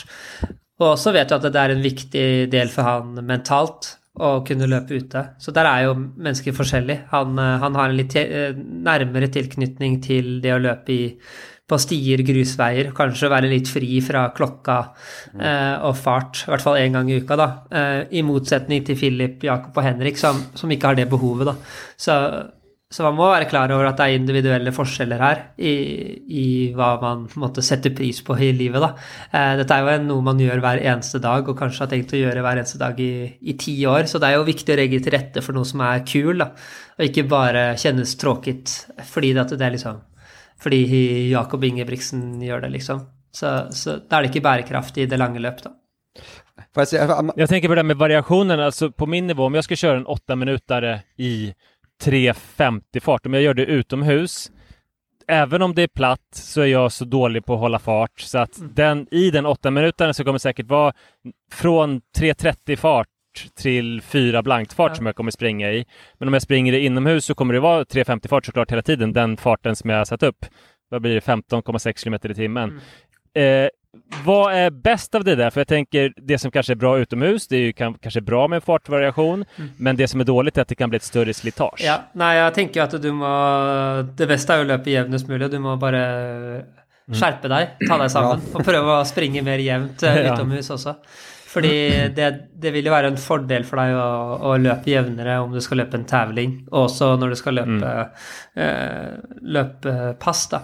Så der kan man jo si Der kan man veldig lett argumentere for begge, begge deler. At du trener på riktig hastighet når du springer på bandet, men, eh, men når du springer utomhus Det er jo faktisk utenomhus man løper taulinger veldig eh, oftest, så, så der, må, der må du også kunne lære deg å løpe 3.50-fart. da. Så jeg ville nok kanskje, når du løper utomhus, hatt enda større fokus på å løpe mest mulig jevnt. da. Jag ska säga det, alltså jag menar inte då att så här, en intervall går i 3.30 och en går i 4, utan jag menar inom samma intervall, att om snittfarten blir 3.50. Ja, ja. ja. Nei, så det, det er jo en kunst da, som man må, må bare trene på. Så om det er et strekke på 1000 meter eller 1500 meter, så kan man jo f.eks. måle opp og sette en strek etter 100 meter, og så kan man regne ut hva skal jeg passere første 100 meterne på. Hva skal jeg passere andre, de neste 200 meterne på? Hvis man treffer da, så tror jeg man kommer inn i en rytme, og så klarer man å holde det jevnt. da. Så det er bare helt enkle, pragmatiske ting, da. Og det er jo det som på en måte gjør løping kult, syns jeg. da, Det er jo at det er en sånn det er jo, Du har en teoretisk eh, side, aspekt, Men så har du på en måte også veldig ofte en praktisk side. Hvordan skal du gjennomføre dette på, på best mulig måte, da. Så det er jo, det er jo teori og praksis da, som er veldig morsomt. Jag ska säga det att det där har absolut ingenting att göra med om man är motionär eller elitlöpare heller, utan det där, det där har bara med disciplin att göra. Jag har en lillebror som jag springer med, Otto, han är Eh, trots att han är väldigt god löpare så har han eh, noll möjlighet att hålla jämn fart eh, utomhus. så det där är någonting som jag tror att det spelar ingen roll om man är bra eller mindre bra. Även du John, jag har cyklat med dig ibland när du ska köra något tempo och eh, särskilt i långbrolloopen kan det gå ganska snabbt de första hundra metrarna. Ja, men jag tror om du refererar till 5 km loppet när jag var fet och dålig så ja, då hade jag, då hade jag noll eh, referensvärden. Nej, exakt. Nej. Eh, Christian har, skal jeg ha ros. Han er veldig god til å springe jämt. Jeg var med han Ja, dag, og da då er det ju på sekunder likt. Så, Ja. så han, han er heller god på å løpe litt for fort generelt, Ja. men han eh, Litt annerledes nå, da, men han, han løper veldig jevnt, da. Så du kan jo få noen tips fra han. Ja, ni måste ju ha stora problem eftersom ni springer i så stora grupper. Om ni turas om med farthållningen så måste det ofta vara väldigt dåliga farthållare i front som förstör eh, passet för er, eller? Ja, inne på Bislett så springer han 99 av 100 drag i front. Ja, det är du som Burås drar. og Aspel han får av och till pröva på ett drag, och om han bommer, da er det rätt, det rett bakerst igjen. Ja, det är inte vem som helst som släpps fram till front. Nej, okay. Nei, men det er stor treningsgruppe, og det er ganske mange på forskjellig nivå. Og det som er bra inne på Bislett, er jo at det er varv på 500 og noen meter. Så mange ganger, f.eks. nå på torsdag, skal vi kjøpe, kjøre 30 varv på, på 3.30 pace. Da er det jo mange som kjøper, kjører typ fem varv, og så har de ett varv pause. Det er ca. to minutter pause. Så det er ganske mange på forskjellig nivå som er med og trener i samme gruppa. Det er bare at folk tilpasser hva som blir gjort. og Sånn som i dag når vi springer 1000-metere på 3.25, så er det jo noen som er med der som har 3.25 som 10 km fart også, liksom. Som kjører kanskje åtte stykker. Så ja, altså Å springe jevnt altså Det er litt, det er litt synd for meg å si det, men jeg sprang jo på 2.27 på maraton med gamle sko i 2015. Det er jo 3.30-fart. Så jeg har jo løpt mine timer i mitt liv fra 3.30 til 3.20, jeg også, liksom. Jag, vill- jag vill fråga det på temat, eh, nu det är inte riktigt miljöpass, men det var en intressant tanke jag fick. Hur mycket spelar det där roll på, på en norsk modell? Då tar jag återigen min lillebror som exempel. Vi kör till exempel eh, tre, eller, vi körde 3000 här eh, om veckan eh, i snitt på, på 9-19. Eh, och då kan det ju vara så att mina varv, om jag får säga det själv då, de går, de går exakt på 37,5 ungefär. Eh, give or take en tiondel när jag har kommit in i det. Medan Otto kan lägga ett varv på 36 och sen nästa på 38 och sen 36,5 och sen 37,5 så det hoppar lite men slut, alltså, eh, slutresultatet blir ändå samma tid om man säger så. Eh, hur mycket förstör det där i att hålla ett jämnt laktat om det ändå blir så att man kommer i mål på samma tid? Förstår du vad jag menar? Ja, det där, jag jeg tror den norske modellen och det å må- mæte riktig laktat vil eh, påvirke hvor, du, hvor du bygger opp passet, og hvor du springer dine intervaller. Så eh, ofte kommer jo laktaten på det, på det høgste, altså den høyeste punktet. Ikke sant? Hvis du løper en 3000, et 3000-metersdrag, og så løper du på 9, 9 blank, da, og du har 1 km på 2,50, så vil en laktaten på den eh, fart, altså den kilometeren som går på 2,50, den, den vil du ha med deg hele veien. Og da vil du måle mye høyere enn det du ville gjort om du løper helt jevnt, da. Just det. Så det er, eh, hvis du skal måle riktig laktat, så er det helt avhengig av at du løper jevn fart, da. Eller fordi, ellers så vil du få måte usikre tall fordi du har løpt ujevnt, og så vil du liksom Må du spekulere i eh, hva den eh, laktaten ville vært om du hadde løpt jevnt. Så, så det. er John Otto får jo ekstra høyt laktat eftersom de springer og slåss alt. eller John springer og slår sin lillebror for at han blir så arg for at han drar så ojämnt. Det drar jo også opp laktaten om man bråkar och slåss när man springer. Jag kan säga att det, det korresponderar när vi sprang in i hallen. Jag, slåss eh, har vi faktiskt slutat med nu. Vi är ju trots allt eh, närmare, eller över 30 och närmare 30 bägge två. Men jag eh, sa ju till honom på skarpen efter en 35-runda eh, när vi skulle hålla 37,5. Och då kollade jag faktiskt på pulskurvan och den stack ju upp med 7-8 pulsslag när jag skrek på honom inne i hallen. Så det påverkar ju också. Så även, även skrik är tillräckligt mycket för att eh, det ska driva upp laktat skulle jag vilja säga. Eh, men vi skal gå over litt mer. Vi har fått litt frågor eh, inn her som jeg tenkte vi skulle resonnere om. Og, og den absolut vanligste frågan som jeg har fått fra flere lyttere, det er det her med lutning på band. Eh, jeg bruker generelt sett, Jeg kjører nesten aldri distans på band, men om jeg skulle få for meg å gjøre det, da kan jeg tenke meg å ha litt lutning bare for at det ikke skal bli så monotont. Men på intervaller så är alltid 0%. Hur dere dere ni er till det där? Skal jeg starte, eller? Ja, Nei, jeg springer stort sett alltid på 0 hvis, det er, eh, hvis ikke det er en, måte, en spesifikk økt som skal gå i motbakke. Da. Men uh, whatever makes you happy, vil jeg si, da. Om du løper på 1% 2 uh, det spiller ingen rolle, men, men poenget med å løpe intervaller generelt er jo å, å trene på en høyere fart enn det man klarer å gjøre sammenhengende. Så, så ved, ved å løpe så platt som mulig, så vil man jo kunne løpe enda snabbere, da. Så, så jeg ser ingen grunn til å løpe på 1 eller 2 eh, for å utjevne en eller annen luftmotstand, eller hva som er, eh, hva som er poenget med det, da. Så eh, å springe motbakkedrag, kan du si 10% 5% eller 15 det er en helt annen sak, da. Men eh, utenom det så ville jeg kjørt eh, helt paddeflat mølle. Og man eh, springer Nå har jo Christian løpt en del lugne pass på, på band, da, og da, da er det en annen sak. Da kan det være gøy å ha litt eh, Eller skjønt å ha litt variasjon, så ikke alt blir helt monotont samme hastighet i, i to timer, liksom. Hva sier Christian?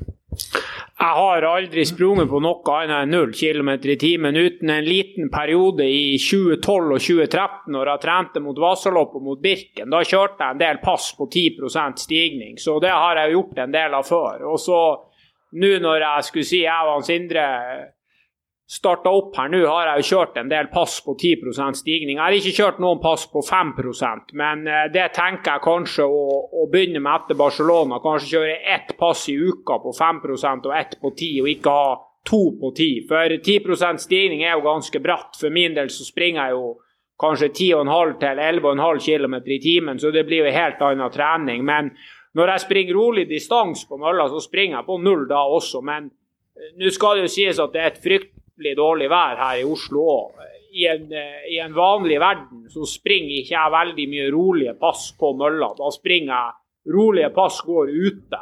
Og da er det nå det terrenget det. Om jeg springer i, i Frognerparken eller opp på Voldsløkka eller rundt om i Oslo, så er det jo litt opp og ned og hit og dit.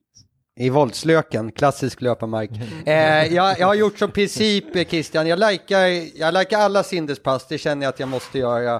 Eh, jeg liker ingen av dina Woodway-distar, eh, der, sätter jag, där sätter jag ner foten. Men alt annet får du likes på meg også. Men når jeg ser deg svinge distans innomhus, da får du faktisk inget fra meg. Hvordan er det der, om man skal si det? Eh, just det der er saker som jeg får fråga om ibland. Och det är samma sak där man måste ju väga en skaderisk. Jag, jag gillar ju att springa ut, jag har en hund som måste rastas också så jag är ju ute med honom även om det är jättehalt. Men så märker man det att det där kan ju slita väldigt mycket på, alltså på ligament, framförallt höfter och så om det är väldigt isigt och man inte får, får eh, eh, få fäste ordentligt. Eh, men är det då helt enkelt så att när du väljer bandet så är det för att skaderisken ute helt enkelt är för hög? Ja, for min del er det. Og jeg må jo si det, jeg har jo bodd i Tromsø i, i 35 år. Og i Tromsø er jo snørekorden 2 meter og 45 centimeter. Men en vinter i Tromsø eller i Nord-Norge, eller for så vidt sikkert i Kiruna, det er jo helt annen type snø, og det er helt annen type vær. Så liksom når det er minus fem grader, og det er én meter snø utenfor døra, så kan du springe på snø akkurat som du springer på grus eller på sand. Snø her i Oslo med salting og minusgrader på natta og pluss på dagen gjør jo at det bare blir helt is. Og i det siste så har det vært på en måte bare asfalt, men en ishinne oppå som gjør at du ikke vet om det er asfalt eller is.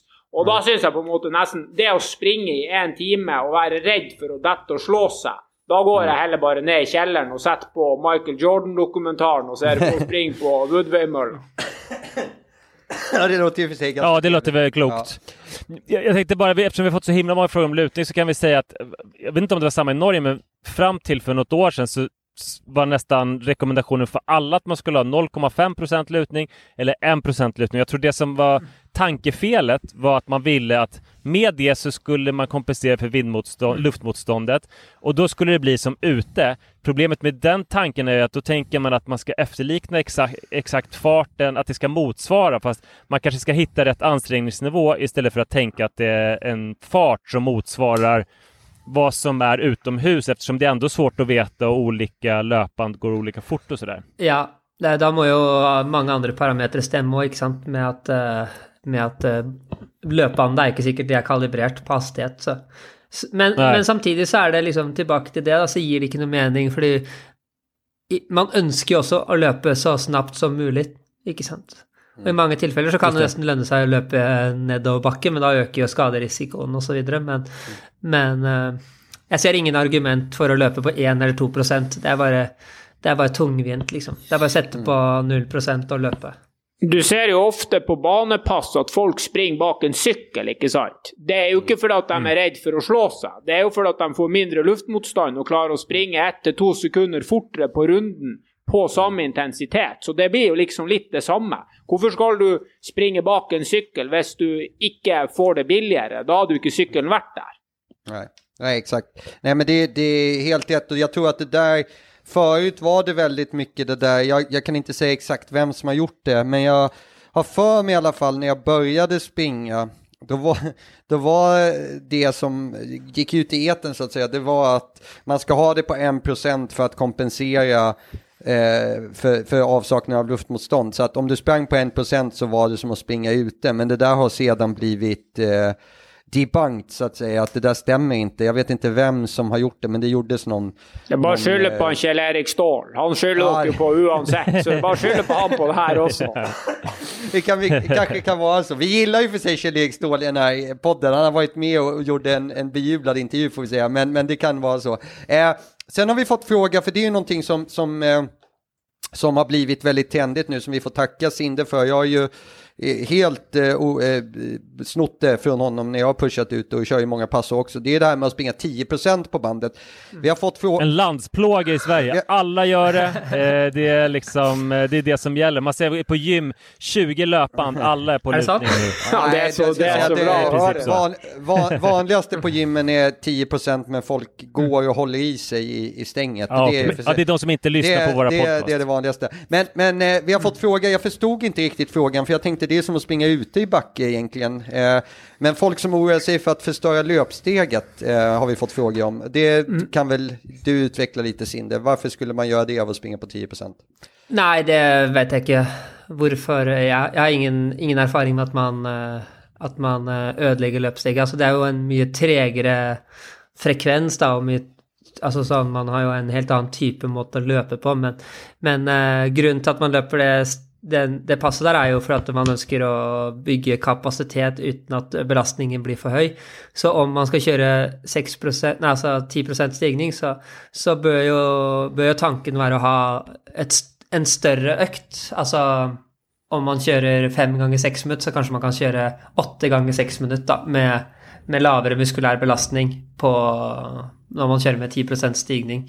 Sånn at man får et høyere volum på, høy, på høy puls.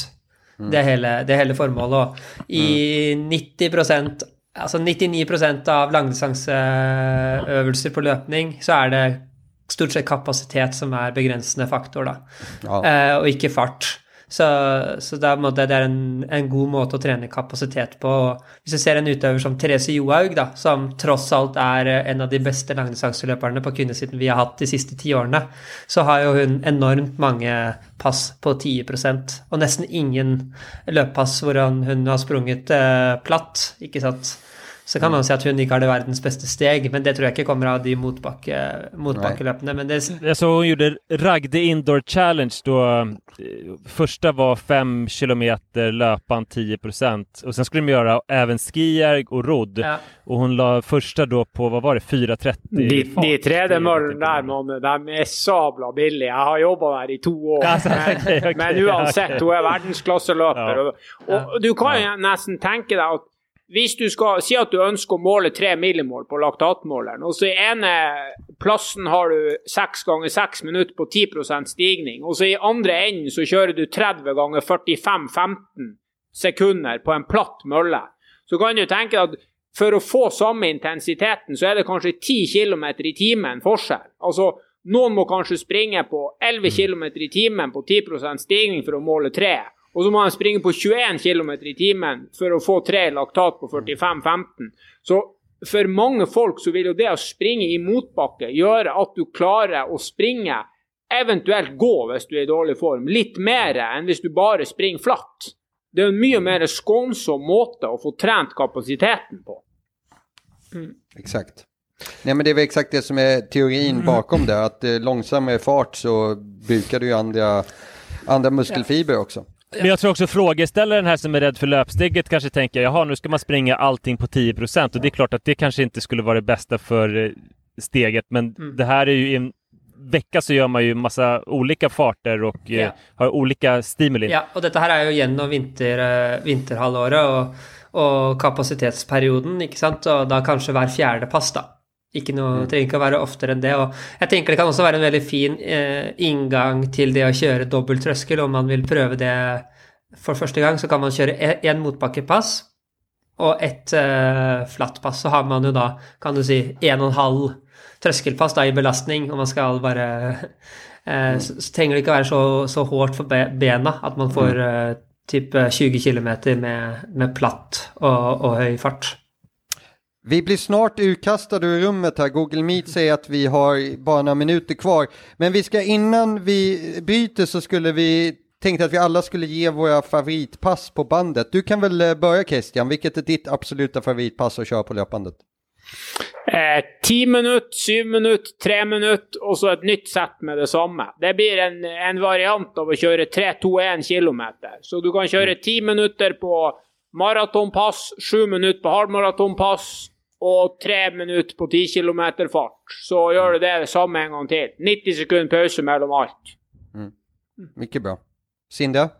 Ja, da skal jeg si eh, tre eller fire sett av seks minutt, fire minutt, to minutt. Der annethvert eh, annethvert drag da, er 10 og platt. Så det betyr at du får forskjellig variasjon eh, hele veien. Og hva er det for hvile på den? Da kan man godt kjøre eh, fra ett minutt til eh, 90 sekunder. da. Mm, 90 sekunder efter seksminutteren og 60 sekunder efter fire og to. Manne? Fyra, det är ganska tråkigt inser jag nu. Fyra gånger åtta minuter halvmaratonfart, en minut vila och sen eh, eh, fe- avsluta med eh, fem gånger en minut med 30 sekunder vila i, eh, alltså snabbt, eh, fem till tre kilometers fart. Snyggt. Och jag börjar gilla att köra flytvila på mina bandpass. Jag tycker att det är väldigt trevligt att inte, effektivt eh, och samla lite extra mängd och skönt att inte behöva hoppa av. Och så tycker jag att det blir mentalt lättare eh, också att få jobba lite Även fast det är relativt hög fart, jag kör flytvilan då i, i 15 km i timmen, eh, så tycker jag ändå att det känns väldigt lätt sen när man ska öka intensiteten. Det kan man egentligen göra på, på alla pass, men ett som jag har gjort det på med en minuts vila, det är två gånger 5, 4, 3, 2, 1, där man också Ja, man kanske börjar fem minuter något långsammare än halvmaratonfart och sen eh, ökar successivt upp där man har lite överfart då på en minuten. Så den kanske snarare går i fem kilometers fart då kan vi säga, så det går ganska fort. Eh, och sen har man en minuts flytvila mellan varje. Samlar man ganska bra med mängd. Ja, där har vi fyra bra pass. Veldig.